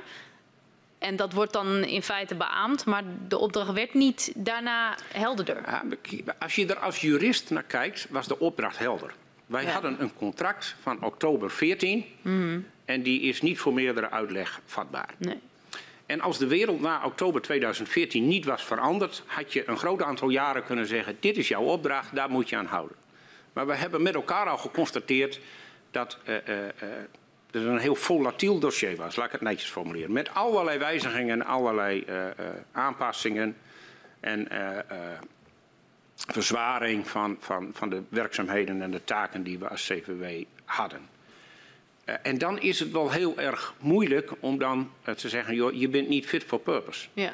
En fit for purpose versta ik dan onder als jij belooft dat je van iets een x aantal doet de komende drie maanden en je doet dat niet en de omstandigheden zijn niet gewijzigd, ben je niet fit for purpose. Dan heb je niet gedaan wat je hebt afgesproken. Maar als de omstandigheden continu wijzigen, dan zouden daar ook best omstandigheden bij kunnen zijn die van grote invloed zijn op jouw kans om te doen waarvoor je bent ingehuurd. En dat speelde natuurlijk dagelijks. Ja. En daar hadden we strakker op moeten zitten toen. Maar wij begrepen ook wel, en we zijn doeners, we zijn Uh, nou, firefighter noemde Johan de Haan het in zijn verhoor. Uh, dat voelt voor mij wel als een stukje herkenning. Zo zaten we toen in de wedstrijd. Mm -hmm. En wij vonden het toen niet passend om te zeggen... we wachten even met beginnen tot u onze opdrachten netjes hebt geformuleerd. Dat had, los van dat we toen niet zo in die modus zaten... zo ervoeren we dat niet, zo voelden we niet... had dat ook niet tot grote vreugde uh, bij uh, de omgeving geleid, schat ik in. Nee, en die opdrachten hadden anders geformuleerd moeten worden... wilden jullie je werk beter kunnen doen? Ja, dat klopt. Maar ik, nog, ik, realiseer me ook heel goed dat voor degene die die opdrachten aan ons moesten formuleren, mm -hmm. het ook heel lastig was om op die momenten die opdrachten klim en klaar en duidelijk te formuleren. Dus we zaten voor een deel ook wel een beetje samen in hetzelfde schuitje en zeiden we, joh, laten we zorgen dat we voortgang boeken, dat we aan de slag komen, dat we dingen doen. Ja. En we kunnen beter heel veel dingen doen en achteraf zeggen, er zijn een paar bij, dat moeten we de volgende keer anders doen, dat is niet zo slim. Nadat we zeiden, laten we uitgebreid gaan discussiëren hoe we het nou doen en in welk tempo we doen en wanneer het klaar is. Laten we nou gewoon beginnen. Dus als u nou uh, zegt van wat was nou de grootste belemmering voor het CVW, uh, uh, ja, waardoor het CVW niet goed genoeg heeft kunnen functioneren, dan is het met name dat die opdracht uh, gewoon niet duidelijk was, omdat de omstandigheden ook steeds veranderden. Ja, dat name, is het grootste met name de, en, en het gaat nog niet eens om de opdracht, maar er waren natuurlijk veel meer opdrachten. Er lag een basisopdracht, maar daarachteraan kwam natuurlijk een hele optocht aan deelopdrachten over al die onderdelen die we net met elkaar bij de kop uh, gehad hebben. Maar met name stabiliteit in het dossier is de grootste uh, verstorende factor geweest. Ja. Um, heeft u ook nog lessen voor uzelf die u eruit heeft kunnen trekken? Jawel. Uh, kijk, een van de dingen waar ik zelf wel spijt van heb, is, is heel dichtbij. We hebben toen wij uh, begonnen in uh, Loppersum als onderdeel van die 150, heb ik onder druk van tempo maken en zorgen dat we toch resultaat zouden kunnen laten zien, besloten dat het verantwoord was om mensen in het huis te laten zitten wat we zouden versterken. Nou, dat neem ik mezelf tot op de dag van vandaag kwalijk dat ik dat besluit heb genomen, want dat was niet verantwoord. Die hebben we er later ook uitgehaald, maar onder druk van tempo en toch iets laten zien nog in 2015 mm -hmm. is toen die keus gemaakt. Ja. En verder ja, heb, ik, heb ik ook wel geleerd dat uh, het soms wel dat, dat het verschil tussen het publieke uh, bestel in zijn volle breedte en het private bestel van hoe je urgentie in woorden omzet in urgentie in daden daar zit licht tussen, als ik het mhm. netjes formuleer. Dat ja. heb ik wel geleerd, ja. ja. En nog even voor ons, wat is dat licht wat ertussen zit? Kunt u dat nog scherp Nou, wij zijn gewend als wij in een private organisatie afspreken dat we iets gaan doen, dat we dat ook doen en dat we dan ook opvolging geven aan eens even een keer controleren, is dat dan ook gebeurd? Ben je bezig? Lig je op schema of lig je dat niet? Mm -hmm dat uh, die urgentie en met name dat opvolgen en consequenties trekken, uh, merk ik in het publieke uh, bestel minder. Tot niet. Daar wordt heel sterk geredeneerd van, we hebben het zorgvuldig gedaan. Er is een wijziging gekomen die verstoort. We hebben netjes geformuleerd dat er gemeld is dat er een verstoring komt. We hebben de wijziging voorbereid, we hebben hem goed laten keuren, zijn allemaal notulen van, is allemaal keurig verwerkt. Dus hebben we dat netjes gedaan. Ja, vanuit het publieke bestel klopt dat wel. Maar vanuit mijn rol daarin was het natuurlijk een, onmogelijke uh, opgave af en toe. Ja. Want mij ging het er niet om of het netjes was vastgelegd. Het ging erom van wanneer kom je met de mededeling dat ik iets moet gaan doen. En heb ik dan nog de kans om er iets mee te doen. En dat vastleggen, ik snap dat dat moest gebeuren, maar dat had niet mijn prioriteit uh, in die tijd. Nee, dat zorgde voor vertraging. Ja, ja. Um, als een van de ondertekenaars van het Groninger uh, bouwakkoord bent u nu ook betrokken bij de versterking. Um, dus we hebben nog een, een aantal vragen over uh, de huidige stand van de versterkingsoperatie. Uh, wat zou uw aanbeveling zijn om, om de versterking te versnellen? um, en, en, dan word ik nu gevraagd als algemeen directeur van bouwbedrijf Kooi of als Jan Emmel Hut. In welke rol vraagt u mij dit? Nou, wat, op welke manier kunt u ons het beste antwoord geven en helpen met de versnelling, zou ik zeggen? Nou, dan even niet kijken naar petten en rollen. Denk ik, uh, wij zijn nu uh, onderdeel van, van, het, van het bouwakkoord, waarbij het bedrijfsbureau BI in Weerdum zeg maar het bedrijfsbureau is en zes aannemers de uitvoering doen. En, en uh, een aantal pijlers onder die gedachte, dat waren er een, een, aantal. Ik zal jullie daar een paar van toelichten. En die werken ook goed, denk ik, op dit moment. Uh, een van de dingen die wij gezegd hebben, en ik heb dat voorbeeld vaker genoemd, ik noem het toch ook nog maar even hier voor alle duidelijkheid. In het verleden is er heel veel tijd en energie gestoken in het doorrekenen van houten vloeren in het kader van stijfheid. Daar zijn hele ingewikkelde berekeningen voor gemaakt en die leiden er soms toe dat je aan de bovenkant 9 mm multiplex uh, toepast met een schroefafstand 20 cm en aan de onderkant 15 mm met een schroefafstand 18 cm. Perfecte berekening, super. Onze stelling als aannemers is geweest van joh, doe nou niet al die berekeningen. Doe aan de bovenkant 20 mm, doe aan de benedenkant 20 mm. Dan stop je de missie in materiaal gezien een paar duizend euro te veel in een woning.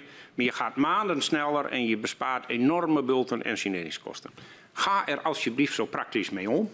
En als je dan vindt als publiek uh, bestel dat je moet aantonen dat die betreffende woning aan de norm voldoet Maak dan vooral een berekening, maar doe dat dan nadat wij ons werk gedaan hebben. Zorg dat die mensen morgen in een veilige woning komen. En die berekening kan ook wel na die tijd. Die hoeft niet voor die tijd, wat mij betreft. Vertrouw ook op de kennis en kunde van de markt. Over het algemeen is het zo dat bij marktpartijen die nu actief zijn in het dossier minstens zoveel kennis zit dan wat er gemiddeldweg bij de enorme organisaties zit die uh, volgepropt zijn met, met 6, 7, 800 uh, uh, mensen.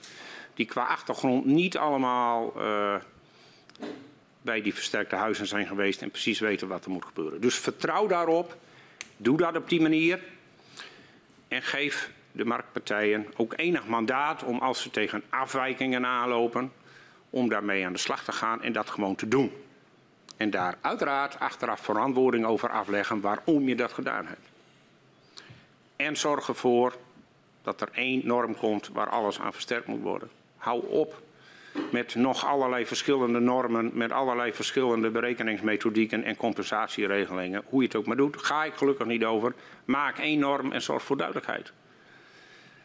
En dat, die ene norm hebben we daar niet, maar die andere punten doen we daar wel. En dat maakt, we hadden best even tijd nodig om op stoom te komen, dat daar langzamerhand gewoon heel veel gebeurt. En dat in een hoger tempo gebeurt dan, dan op andere plekken. En zorg er ook voor dat je dit dossier wel aantrekkelijk houdt voor marktpartijen. Want ik zie nu af en toe dingen gebeuren denk, joh, als je marktpartijen nou weg wilt jagen, dan moet je deze zorgvuldigheid nog iets verder opvoeren dan dat je het nou doet. Dan is er straks niemand meer die nog wat wil doen in dit dossier. Mm -hmm. En dat vind ik een hele kwalijk. -hmm. Uiteindelijk heb je elkaar nodig. En dat elkaar nodig hebben houdt in dat de ene zorgvuldig een opdracht moet geven binnen de regels die daarvoor zijn. En de ander appetite moet hebben om die opdracht te aanvaarden. En je kunt wel eenzijdig zeggen van ik, ik timmer het allemaal dicht. Maar als de andere zijde zegt van dan ga ik het niet meer doen. Dan is de discussie van is er wel of niet voldoende capaciteit is niet echt meer aan de orde. En, en, en ik hoor uh, nu in het dossier, zonder namen te noemen, allerlei mensen zeggen mobiliseer, zorg dat je er klaar voor bent. Maar dan wel onder de voorwaarden die passend zijn uh, bij het contracteren van partijen. Daar okay. is nog wel een verbeterslagje te maken, denk ik. Oké, okay, dank. Wij zijn uitgevraagd als uh, commissie. Op één puntje na. Uh, u maakte uh, tijdens het verhoor even melding van een geheimhoudingsclausule die standaard in contracten zat met de CVV-medewerkers. En het zou dienstig zijn voor onderzoek als wij die clausule zouden mogen ontvangen. Ja, wat mij betreft is daar geen bezwaar tegen. Ja, dat kan natuurlijk na afloop ik, van het Ja, maar ik, ik zorg dat u hem krijgt. Ja, ja. dat is fijn. Ik zorg dat u hem krijgt. Dank voor uw medewerking. En ik verzoek de griffier om u en uw steunverlener naar buiten te geleiden. Dank.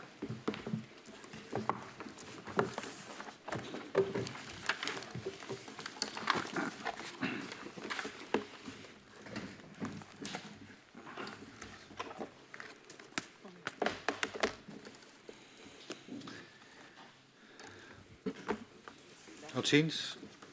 Uh, morgen gaan wij uh, door met uh, drie verhoren van Kamerleden die ten tijde van de beving van Huizingen en de nasleep uh, actief waren als Kamerlid. Het eerste verhoor zal om half twee zijn met uh, mevrouw Van Tongeren. En ik ga nu de vergadering sluiten.